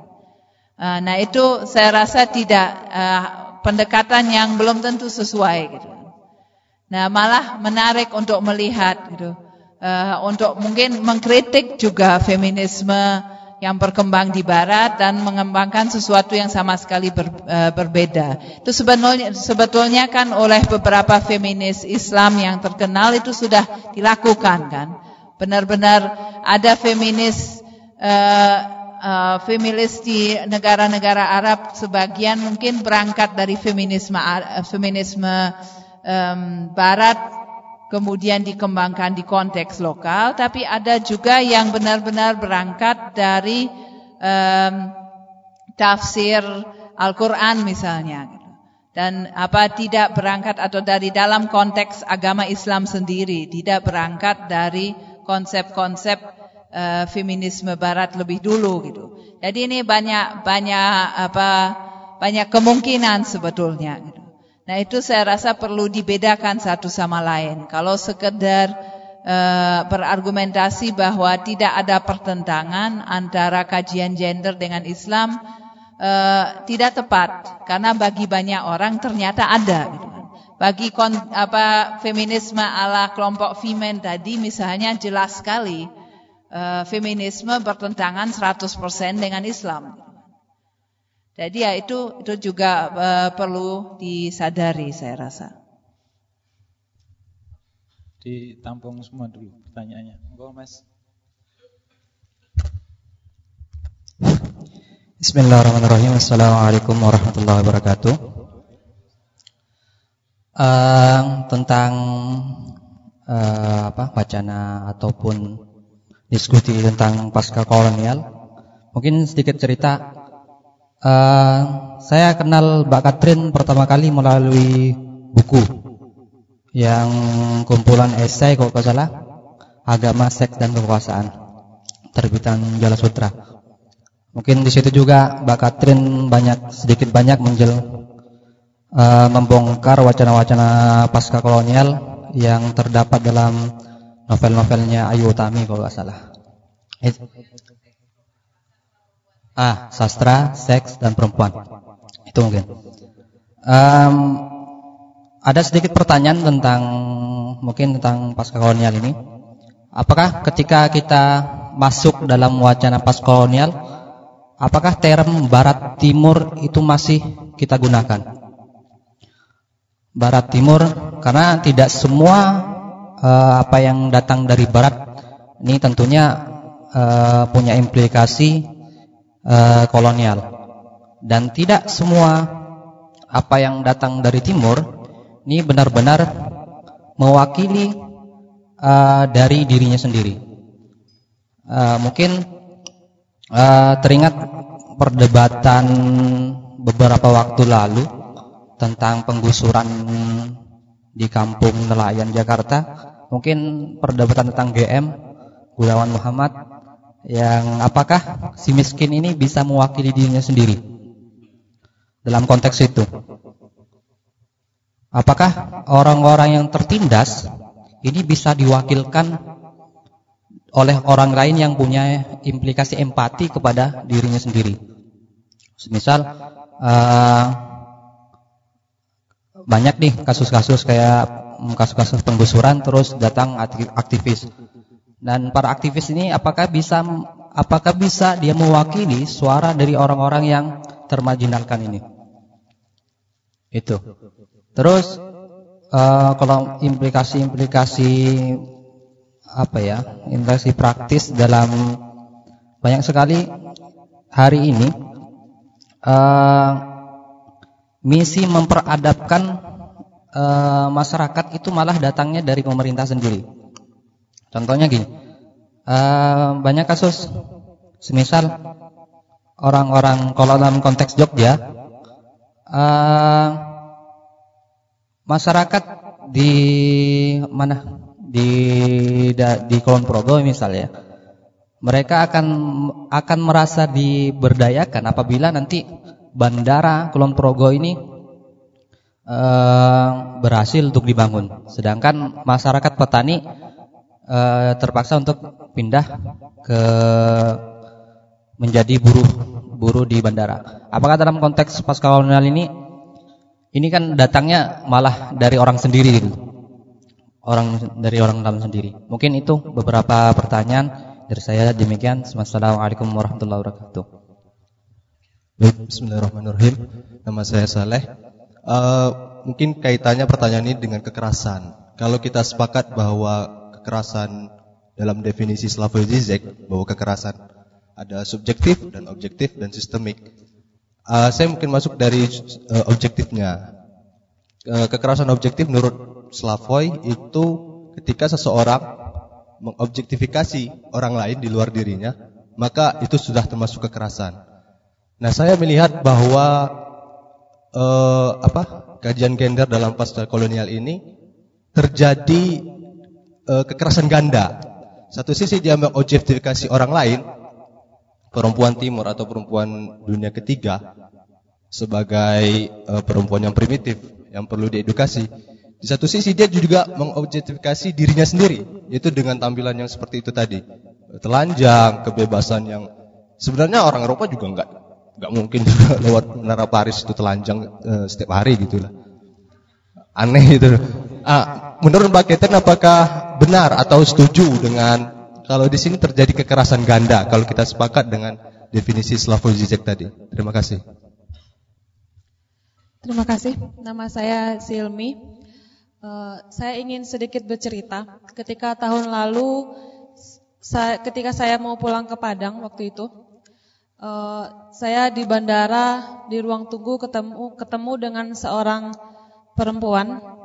Dia duduk sendiri Waktu itu saya karena nggak ada teman, saya berkenalan dengan dia. Iya. Karena merasa kesepian seperti itu ya, nggak ada teman karena dia juga sendiri. Lalu saya berkenalan dengan beliau, dengan perempuan ini. Ternyata dia berasal dari Jerman. Umurnya baru 21 tahun. Saya ingin berkenalan dengan dia kenapa? Karena apa ya? Saya melihat bahwa terutama dia karena dia perempuan, dia sendiri pula. Saya nanya seperti ini, Mbak, uh, bahasa ini aja ya, Mbak, Mbak sendiri ke sini ke Indonesia? Iya, saya sendiri. Lah, kenapa mau datang ke Indonesia? Karena Indonesia itu bagus katanya seperti itu. Dia sempat jalan-jalan ke Candi Prambanan, Borobudur dan lain sebagainya seperti itu. Uh, terus saya saya lebih saya nanya lagi, Mbak tinggal di mana? Di Berlin katanya gitu. Dan uh, saya menanyakan tentang uh, kenapa Mbak dibolehkan untuk pergi apalagi ke Indonesia kan jauh kan, pergi sendiri pula. Kenapa dibolehkan sama orang tua seperti itu? Terus dia dia bilang seperti ini, di Jerman itu ketika orang, saya tidak tahu persisnya bagaimana, tapi saya hanya menyampaikan apa yang disampaikan kepada saya, bahwa di Jerman itu ketika se seseorang, apalagi ini, seseorang yang telah, telah melewati umur 17 tahun itu, sudah tidak menggantungkan hidupnya lagi kepada orang tuanya seperti itu. Artinya dia sudah bisa mandiri. Dan saya nanya, Mbak jalan-jalan ke sini dibiayai nggak sama orang tua? Dan dia bilang tidak. Saya ketika uh, umur uh, 17 tahun saya sudah uh, waktu itu dia masih SMA katanya, saya sudah bisa mencari uang sendiri dengan bekerja di sebuah perusahaan seperti katanya seperti itu. Dan jika kita lihat ke Indonesia sendiri, dengan umur 17 tahun kan kita masih mengekor dengan orang tua orang tua kita seperti itu dan bahkan saya sendiri sampai saat ini ya masih mengekor sama orang tua saya. Artinya saya belum bisa berdiri sendiri untuk menghidupi diri saya sendiri seperti itu. Dan bahkan apa ya, ketika saya mau kuliah ke Jogja ini pun saya sempat apa ya? Sempat dilarang sama orang tua. Sempat ada pertentangan-pertentangan apalah gitu. Kamu perempuan, kamu nggak ada saudara sama sekali di Jogja seperti itu. Kenapa harus kuliah di Jogja? Kenapa tidak di sini saja? Orang tua saya berkata seperti itu dan bahkan teman-teman perempuan yang di sini pun bahkan sempat uh, mengalami kendala seperti itu. Kendala uh, apa namanya? tidak dibolehkan untuk pergi berjauh, pergi jauh dari orang tua apalagi sendiri seperti itu. Nah, yang ingin saya tanyakan adalah sebenarnya apa yang salah dari sistem kita, terutama di Indonesia seperti itu? Apakah memang uh, pemikiran masyarakat Indonesia, terutama orang tua kita, melarang anak perempuannya untuk pergi sendiri itu apakah memang karena ada doktrin dari agama bahwa perempuan itu kalau mau pergi jauh ya harus sama muhrimnya seperti itu. Apakah memang ini karena ada doktrin-doktrin dari agama ataukah memang karena ada sistem-sistem yang lain atau seperti uh, memang aturannya begini, perempuan itu harus begini. Toh kenapa di barat sana perempuan bebas saja seperti itu? Saya kadang-kadang saya juga merasa ini ya, loh saya juga punya hak loh maksudnya ya nggak nggak memang apa ya, kenapa laki-laki bisa pergi ke sana ke sini, kenapa perempuan tidak bisa toh secara ini kan kita sebagai perempuan kan juga bisa menjaga diri kita sendiri seperti itu. Karena memang dari kecil orang tua sudah mendidik, sudah menanamkan nilai-nilai agama seperti itu ya. Nah, ini sebenarnya apa yang salah dari pola pikir atau mindset dari masyarakat Indonesia terhadap uh, perempuan seperti itu. Terima kasih. Assalamualaikum warahmatullahi wabarakatuh. Uh, menarik memang berbicara soal postkolonial kolonial, kolonial apalagi pembahasannya soal uh, feminisme tadi. Uh, kalau menangkap tadi Mbak Katrin menawarkan untuk mengganti perspektif dari apa yang universal, kemudian pada konteks perlihatkan bahwa yang menyebabkan keadilan gender adalah bukan bukan bukan inherent pada budaya maupun pada agama itu kan. Jujur saya orang yang tidak mengagumi barat sedikit pun kecuali bola itu kan. Dan dan dan pakaian saya sedikit hibrid memang itu kan. Tetapi uh, saya mengandaikan bahwa saya ambil yang bermanfaat saja itu. Artinya ya saya pakai jeans itu kan. Saya pakai jeans itu kan. Kala itu Gandhi pun meskipun dia salah satu yang mengajukan soal dalam bukunya soal perempuan dan keadaan sosial, perempuan menggunakan sari dan lain sebagainya itu kan. Seharusnya saya juga menggunakan sarung itu kan. Seharusnya, tapi bagi saya uh, yang manfaati mana itu loh. Uh, saya, saya di, di wilayah situ, kemudian di wilayah keadaan gender yang saya pahami, kalau tadi ngomongin Islam itu gender saya nggak sepakat karena uh, bagi saya gender ham kemudian itu global issues itu kan dan itu memang uh, digunakan untuk mengikat negara-negara dunia ketiga uh, agar sama dengan dengan Barat itu kan Termasuk bola juga iya itu. Tapi saya suka itu. Kemudian uh, tadi menanggapi mbaknya yang ngomongin soal stereotip bahwa perempuan itu nggak boleh sendirian dan lain sebagainya itu kan. Kalau dijawab beda lagi, kenapa nggak boleh sendirian? Nduk mbok cokot ulo, Jawa ado-ado itu kan. Gak usah malam-malam itu kan, gak usah malam-malam nanti pulangnya bingung malahan itu kan takut atau apa. Itu artinya satu ikatan emosional keluarga yang memperhatikan uh, uh, bagaimana perkembangannya nanti keselamatannya dan sebagainya. Dan ini uh, coba digugat uh, oleh oleh Barat agar mereka mengikuti agar kita mengikuti pola-pola mereka. Uh, pertanyaan saya kalau ini sudah ada kajian postkolonialisme itu kan, postkolonial, uh, menarik kayaknya kalau Mbak Catherine juga membuka kelas lagi ya ini soal gender Nusantara ini. saya gini, orang orang selalu saya nggak suka Kartini, jujur saya nggak suka Kartini itu kan. Saya nggak suka Kartini. Kenapa? Orang kemudian wah ini ibu kita Kartini emansipasi. Oh itu barat kok itu kan emansipasi apa itu kan. Saya lebih suka nih Mas Ayu Gandasari itu. Ah, nggak ada yang pernah tahu makanya. Jadi uh, orang ngomong soal perempuan itu subordinasi itu kan uh, dalam tiga teori uh, tujuh teori ketidakadilan gender itu salah satunya subordinasi perempuan uh, selalu uh, di belakang apa wong intinya selesai kok itu kan bapak dan ibu saya ibu saya itu ya masak gitu kan mencuci dan sebagainya ya. Dia tidak pernah mengeluh, tapi ya ketika ibu saya sakit, bapak saya yang masak, saya yang makan gitu. Ya. Jadi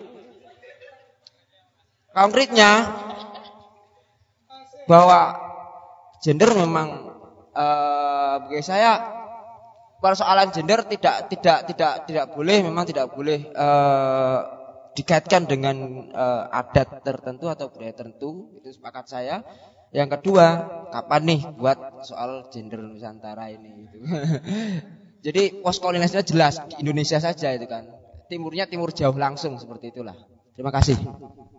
Ya, terima kasih. Banyak sekali pertanyaan menarik ini.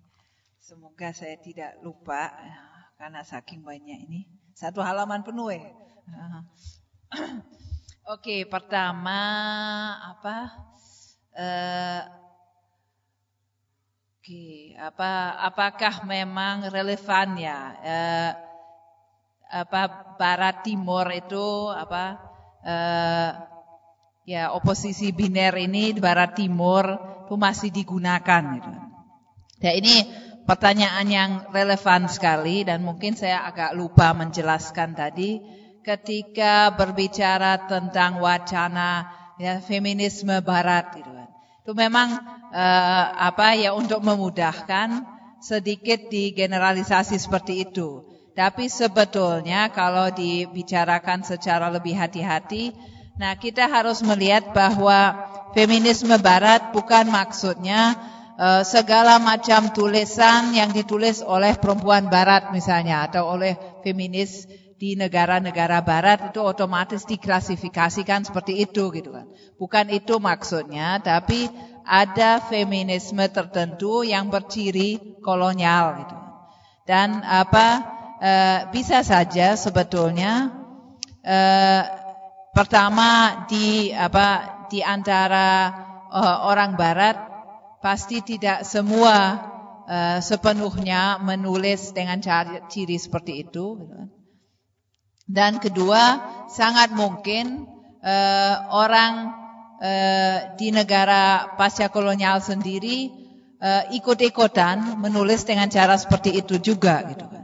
Jadi sangat mungkin uh, ada tulisan misalnya oleh perempuan Indonesia tentang taruhlah uh, kelas bawah apa, uh, di negaranya sendiri yang sama uh, memiliki ciri yang sama, saya menganggap perempuan yang dibahasnya hanya sebagai korban pasif yang sama sekali tidak diberi suara yang kepentingan-kepentingannya diasumsikan dari awal dan tidak ditanyakan itu uh, sangat lazim terjadi juga gitu. Jadi ciri itu juga bisa terjadi di dalam uh, negeri itu sendiri. Gitu.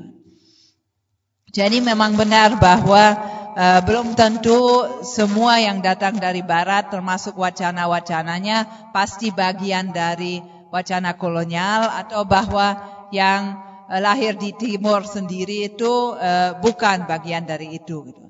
Ada sesuatu yang disebut sebagai uh, kolonialisme inhe, apa internal gitu. Nah, itu um, menjadi salah satu ciri masyarakat pasca kolonial. Nah, saya katakan tadi bahwa kolonialisme memang secara formal berakhir, tapi sebetulnya masih sedang berlanjut. Nah, salah satu lanjutannya yaitu gitu. Lanjutannya adalah bahwa um, uh, elit di negara-negara pasca kolonial sendiri sering kali kemudian menindas rakyatnya sendiri dengan e, cara yang sama yang dulu dilakukan oleh penjajah asing. Gitu kan. Jadi memang e, termasuk misalnya tadi wacana pemberadaban. Di Indonesia memang apa e, itu mudah kita amati. Misalnya e, kalau kita membaca tulisan-tulisan yang menggambarkan misalnya e, masyarakat seperti Dayak, Asmat gitu kan. Nah, sikap yang jelas tercermin di sana bahwa misalnya orang Jawa itu sering menganggap dirinya lebih berbudaya kan daripada orang Dayak atau orang Asmat. Nah ini uh, peninggalan wacana kolonial juga gitu. Dan melanjutkan konsep kemajuan yang dibawa oleh pemaju uh, uh, oleh penjajah dulu gitu. Bahwa uh, masyarakat uh, yang apa yang uh, menganggap terlihat lebih modern, lebih rumit itu superior di hadapan uh, masyarakat yang uh, seperti Dayak atau Asmat yang uh, apa terlihat primitif gitu ya dalam tanda kutip. Ini klasifikasi ini gitu kan menjadi bagian dari wacana kolonial sebetulnya.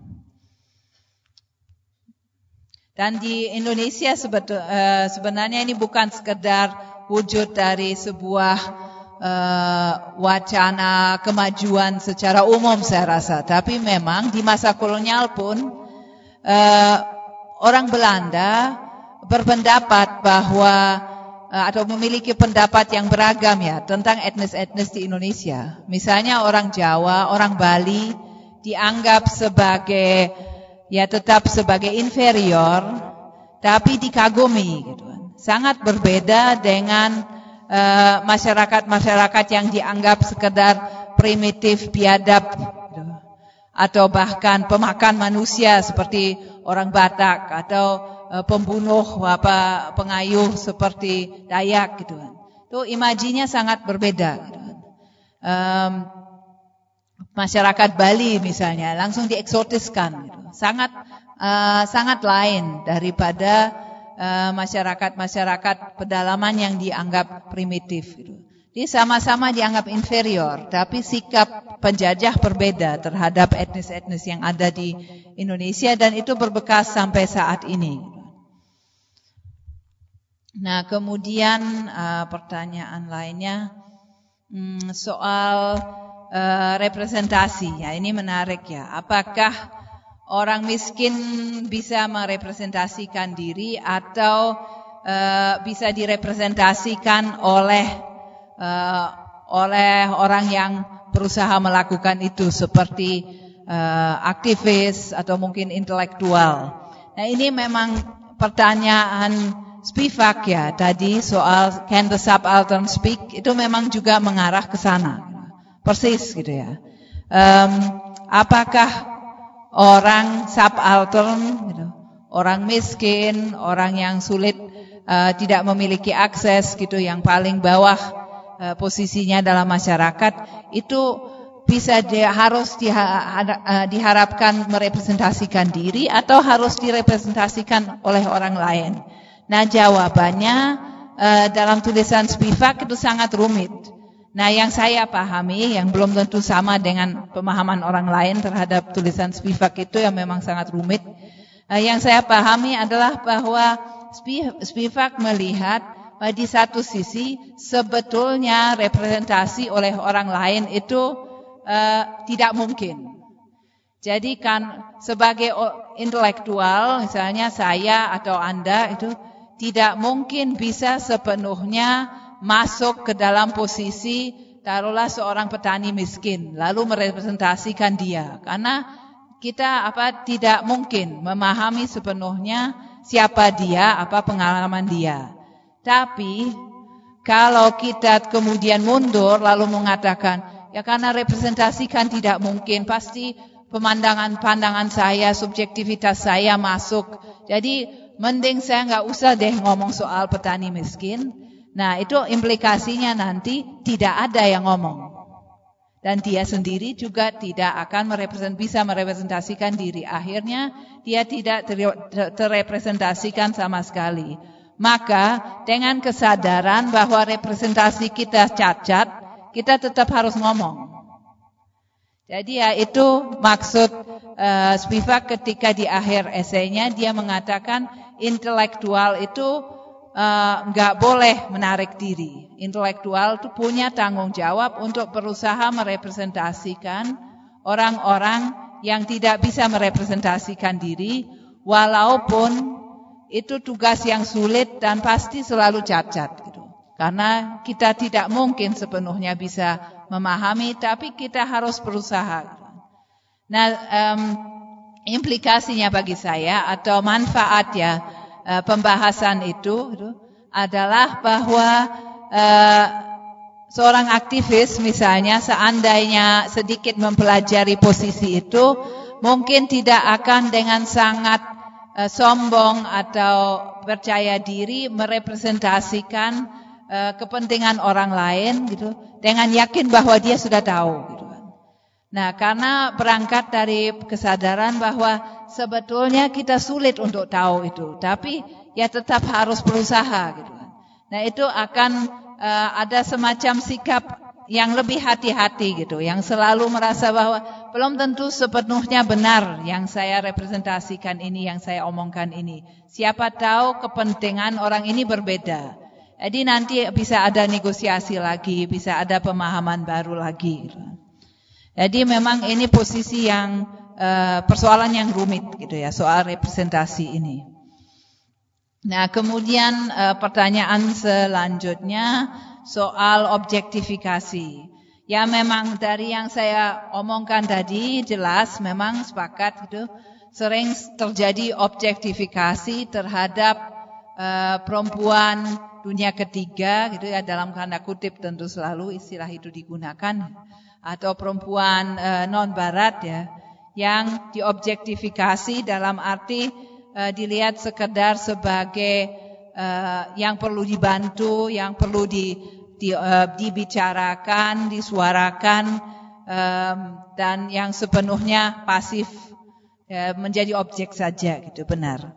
Nah, kemudian uh, dengan demikian orang juga mengobjektifikasi dirinya sendiri, ya mungkin ya. Dan kita melihat tadi eh, dalam pembahasan Mohenti bahwa kedua hal itu kan saling berkaitan.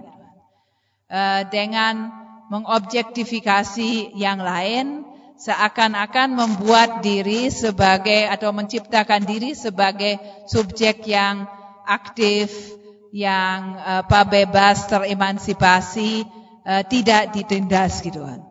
Nah itu berarti di situ ada sebuah proses othering ya, meliankan yang non barat untuk kemudian merasa uh, mendefinisikan dirinya gitu kan.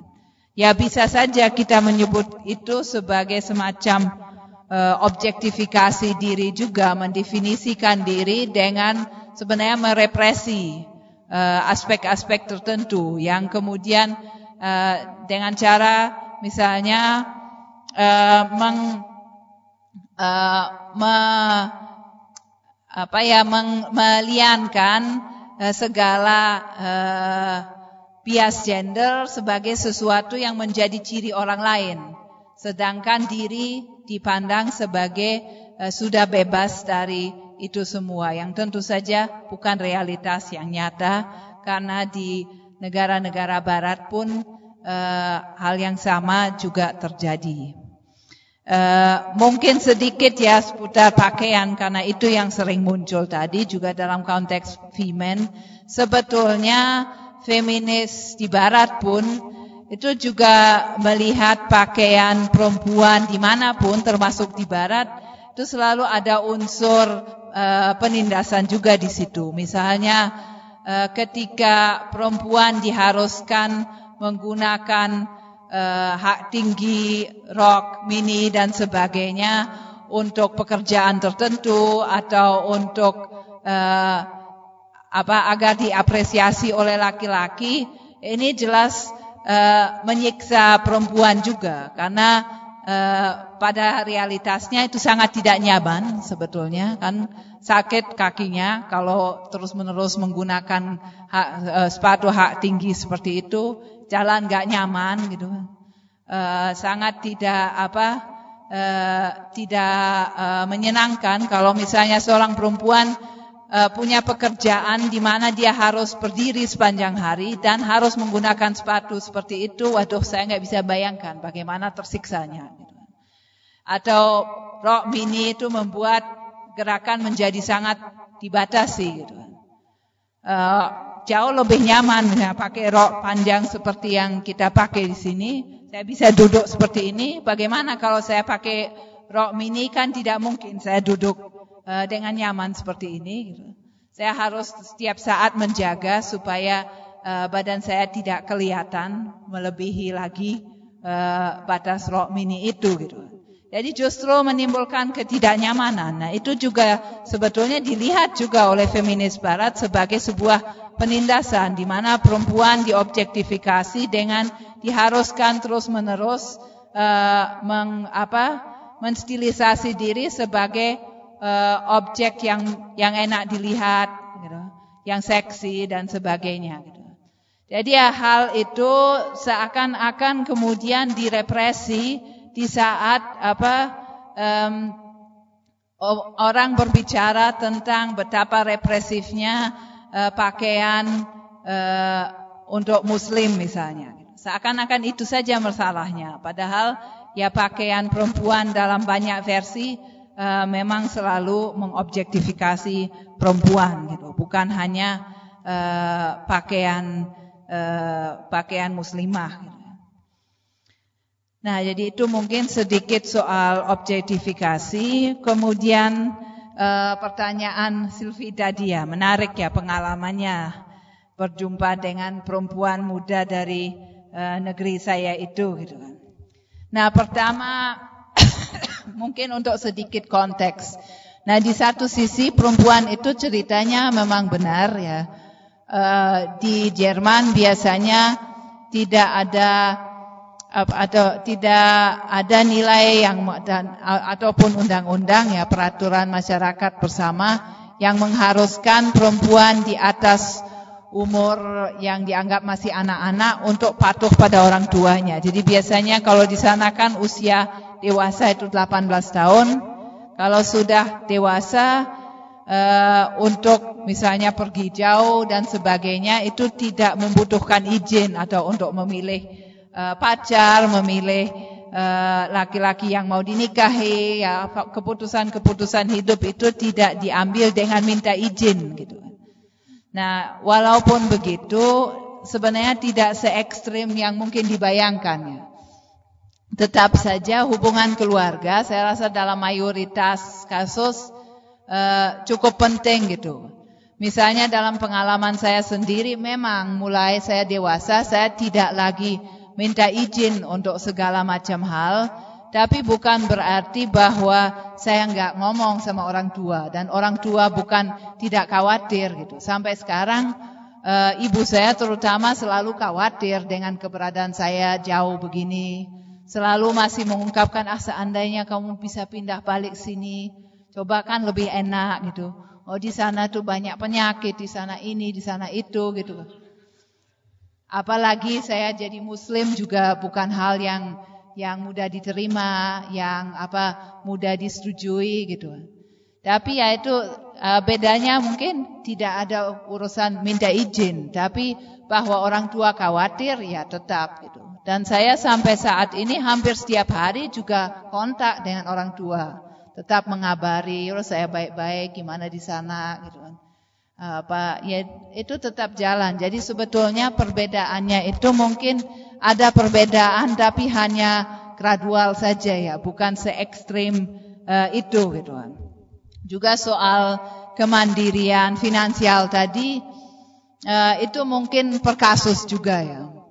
Kadang-kadang ada yang uh, sudah langsung bekerja di saat uh, menjelang dewasa, uh, ada yang uh, masih dibiayai orang tua selama kuliah misalnya, itu juga banyak gitu. Jadi tergantung uh, kasusnya gitu. Nah soal apa kemandirian dalam misalnya melakukan perjalanan jauh dan sebagainya ya memang biasanya lebih biasa ya bagi uh, bagi uh, orang Eropa. Gitu. Orang Eropa juga mungkin harus dibedakan ya dari mana saja gitu. Ini tidak belum tentu setiap negara itu sama.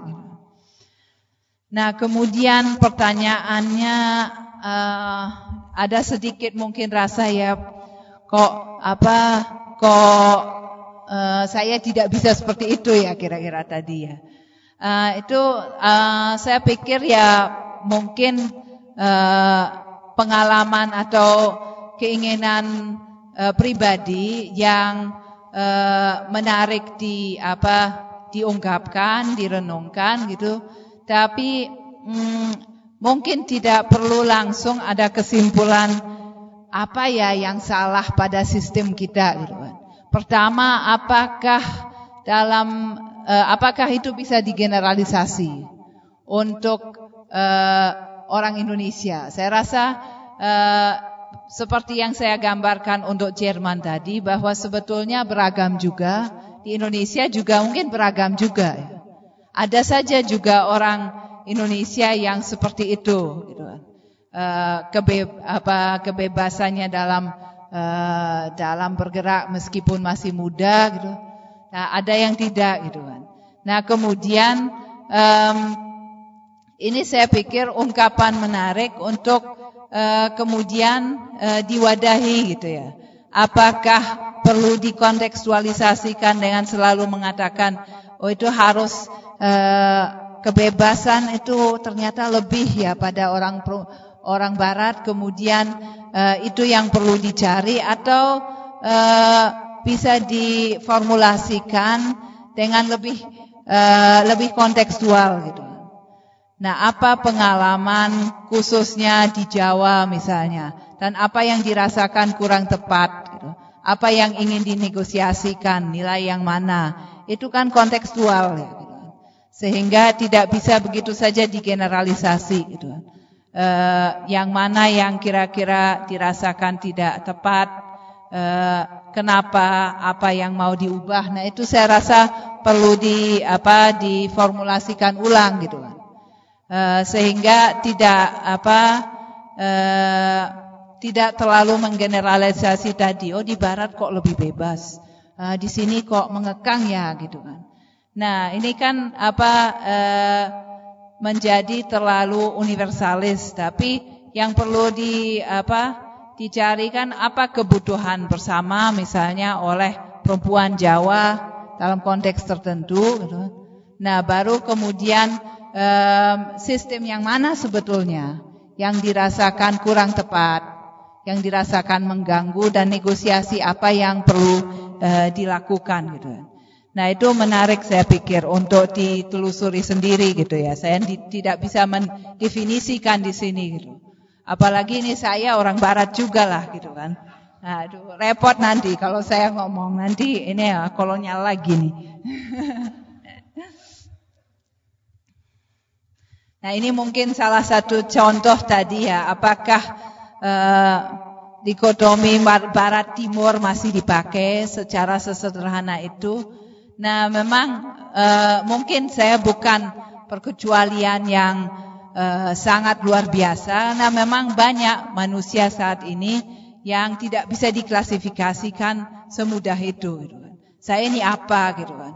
Uh, saya jelas orang Jerman. Gitu. Tapi apakah orang Jerman mempersepsi saya sebagai barat ya belum tentu karena saya muslim gitu. Di sana malah dipersepsi sebagai orang asing jangan-jangan. Jadi ya apa e, memang klasifikasi seperti itu tidak e, selalu berlaku gitu kan dalam kasus-kasus individual. Itu hanya e, lebih tepat untuk berbicara tentang wacana, bukan tentang individu manusia. Gitu. Oke, nah ini pertanyaannya Silvi tadi memang ruwet itu sebenarnya, walaupun kelihatannya uh, pengalamannya sederhana. nah, kemudian yang terakhir, gitu ya. Um, Oke, nah pertama mungkin saya pikir tadi ada ungkapan menarik ya, yaitu bahwa uh, ketika berhadapan dengan uh, budaya barat ya kan uh, enaknya ambil yang bermanfaat saja lalu yang lainnya ditinggalkan. Ini uh, ungkapan yang sering saya dengar kan dan kedengarannya memang uh, masuk akal ya. Tapi uh, apakah itu realistis? Dengan apa misalnya tadi contohnya celana jin. Kalau saya lihat di sini kok kayaknya oh itu satu dua lah yang bersarung ya, yang lainnya percelana semuanya gitu. Nah, nah kenapa bisa seperti itu gitu kan? Apakah karena semuanya merasa ah celana kan bermanfaat, jadi dipakailah gitu kan? Nah, apakah itu, apakah sesederhana itu persoalannya? Nah, justru ketika kita berbicara tentang kolonialisme dan kelanjutannya sampai saat ini, kita menjadi uh, lebih sadar bahwa um, permasalahan seperti itu ternyata uh, tidak sesederhana itu, ternyata uh, politis gitu. Jadi uh, ke dalam kondisi di mana budaya tertentu sangat dominan, sedangkan budaya yang lain dimarginalkan. Eh, kebebasan untuk sekedar berpikir ah yang ini bermanfaat, yang ini tidak, itu tidak sepenuhnya ada. Ternyata ada dominasi yang kadang tidak dirasakan. Misalnya eh, dalam masyarakat Indonesia pun saya rasa saat ini sudah menjadi sebuah kewajaran bahwa laki-laki merasa celana dan juga celana jin terutama itu adalah pakaian sehari-hari yang sewajar-wajarnya gitu kan. Yang seakan-akan tidak kontekstual sama sekali tapi global saja sedangkan sarung itu pakaian khusus yang dipakai mungkin untuk uh, untuk sholat, untuk ke masjid, untuk ke acara-acara tertentu saja. Nah ini kan uh, sudah ada pengaruh wacana tertentu di mana kita lihat tadi bahwa uh, ada universalisme, ada eurocentrisme gitu. Atau di sini sebenarnya bukan lagi euro, euro kan Eropa, tapi ini kan Amerika gitu. Pakaian yang sebetulnya awalnya merupakan pakaian kaum tertentu gitu kan. Kaum kelas bawah sebetulnya di Amerika Serikat gitu kemudian dipopulerkan menjadi pakaian yang eh, dipakai laki-laki atau ya laki-laki perempuan juga sekarang di seluruh dunia eh, untuk aktivitas sehari-hari. Gitu kan. Nah, sedangkan pakaian lain yang juga uh, menjadi pakaian uh, pakaian um, sehari-hari kaum tertentu, misalnya orang Jawa dengan sarungnya, itu tidak memiliki kesempatan yang sama gitu. Coba apakah kemudian mungkin kita bayangkan sarung kemudian melebar kemudian dipakai uh, dipakai laki-laki di seluruh dunia termasuk misalnya di negara saya di Jerman sana gitu kan sebagai pakaian sehari-hari global gitu. Kan tidak gitu kan. Nah, jadi ya di situ dominasi tertentu nampak gitu. Dalam keseharian bisa saja ya jin kan bermanfaat, tapi uh, apa yang membentuk uh, pandangan bahwa jeans itu pakaian yang sangat biasa gitu uh, untuk dipakai di seluruh dunia sedangkan sarung tidak. Nah, ini kan tetap konteks kolonial. Nah, kemudian dalam berbicara tentang memilih saja yang bermanfaat ini kita juga jangan melupakan bahwa pada dasarnya kolonialisme itu juga eh, kan tetap tujuannya satu. Bagaimana itu kan kan sistem secara ekonomis eh, kolonialisme ini sebenarnya sederhana.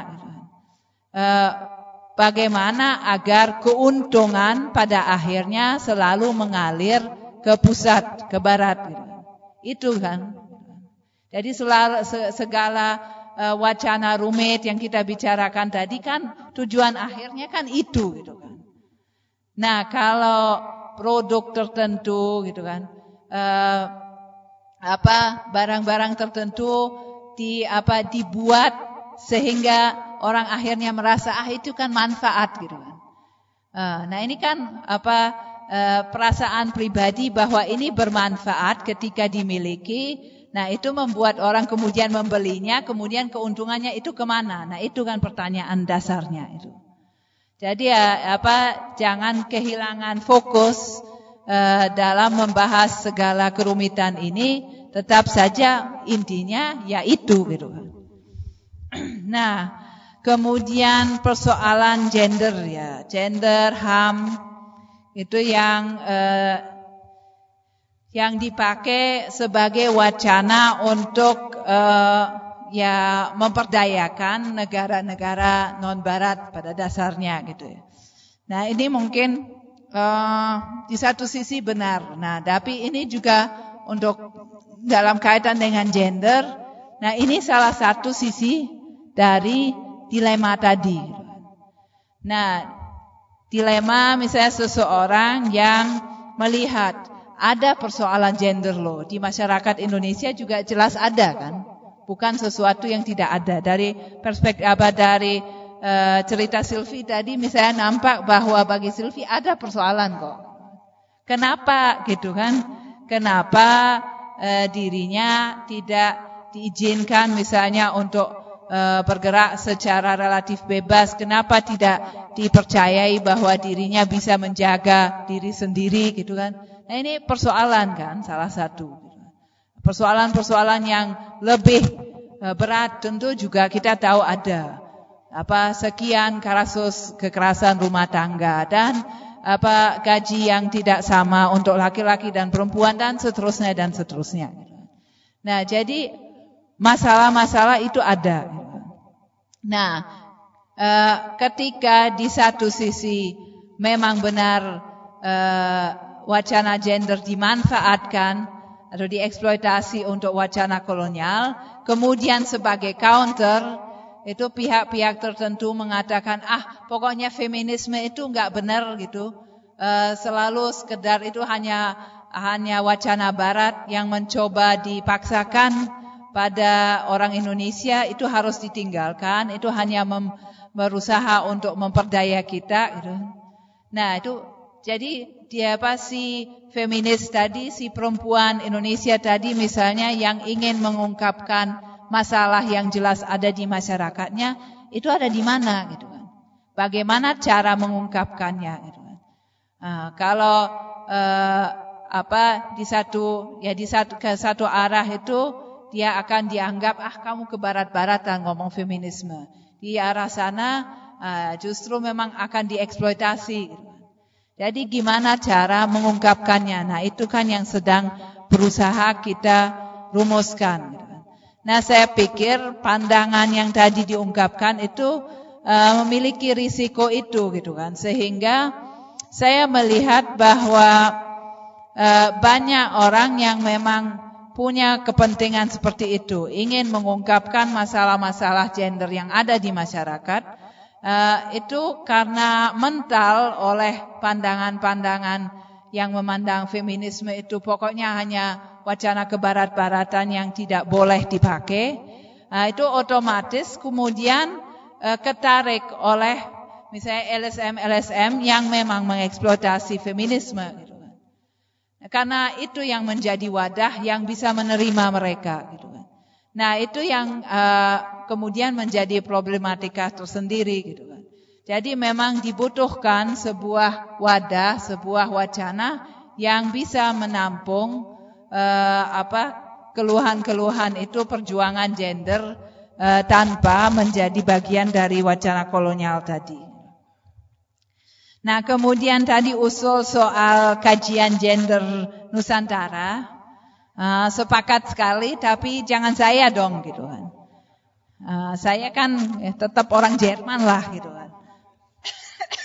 Jadi ya itu mungkin uh, kalau apa kalau apa, eh, kesempatan kita ngaji bersama di sini menjadi inspirasi untuk ingin lebih eh, dalam mengkaji keberagaman eh, masalah gender atau konsep-konsep gender di Nusantara itu sangat bagus. Ya tugas kalian dong untuk mengembangkan itu. Jangan saya. Nanti saya datang ikut mendengarkan. Itu menarik.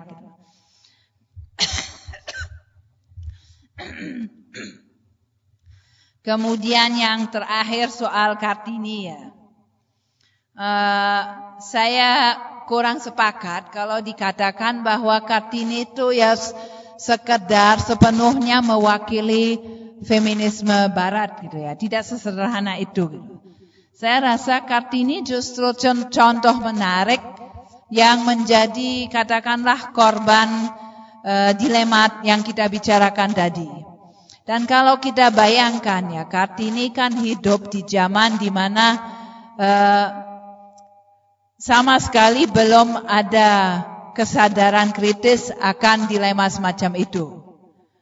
Kan uh, sekarang saja kita sulit menghadapi uh, situasi yang ada, apalagi di zaman zamannya Kartini ya. Dia besar uh, di kalangan ningrat Jawa, kemudian dia berkenalan dengan feminisme dari teman-teman Belandanya. Nah, dia kan tidak memiliki perspektif pasca kolonial seperti ini, tidak memiliki perspektif kritis seperti itu, dia sekedar terombang-ambing gitu kan. Kartini bukan 100% pro kolonial juga gitu. dia memiliki sikap kritis juga, sangat kritis terhadap eksploitasi yang dilakukan terhadap uh, ne apa negerinya, terhadap Jawa terutama. Tapi di sisi lain dia tertarik uh, pada feminisme yang dia kenal dari teman-teman baratnya. Gitu. Dia apa tersiksa oleh beberapa aturan dalam uh, dalam keluarganya sendiri yang juga tidak mungkin uh, hanya mewakili lapisan tertentu masyarakat Jawa kan. Jadi ya uh, dia posisinya yaitu tadi sama sekali tidak uh, tidak apa tidak bisa dengan sangat tegas mengawinkan uh, segala kritik tersebut. Bagaimana di satu sisi Uh, dia bisa melihat orang Belanda sebagai yang menginspirasi, yang membawa kemajuan di sisi lain, membawa emansipasi juga di sisi lain. Uh, orang Barat ini melakukan eksploitasi, melakukan penjajahan. Nah, dia melihat itu, tapi dia belum punya perangkat untuk apa mengembangkan sikap kritis yang tepat terhadap itu dia ya bingung aja gitu kan. Dan, dan memang yang kita miliki dari dia kan hanya surat. Surat kan eh, sifatnya eh, lebih spontan gitu, mengungkapkan emosi sesaat. Nah, kadang tertangkap kemarahannya terhadap kolonialisme, kadang tertangkap eh, kemarahannya tentang situasinya sendiri sebagai perempuan dalam keluarganya, antusiasmenya terhadap uh, pendidikan barat gitu kan. Kadang kebingungannya gitu. Jadi ya itu memang saya pikir uh, Kartini itu sosok yang campur aduk. Gitu. Nah, itu mungkin semoga saya tidak melupakan pertanyaan apa-apa. Terima kasih.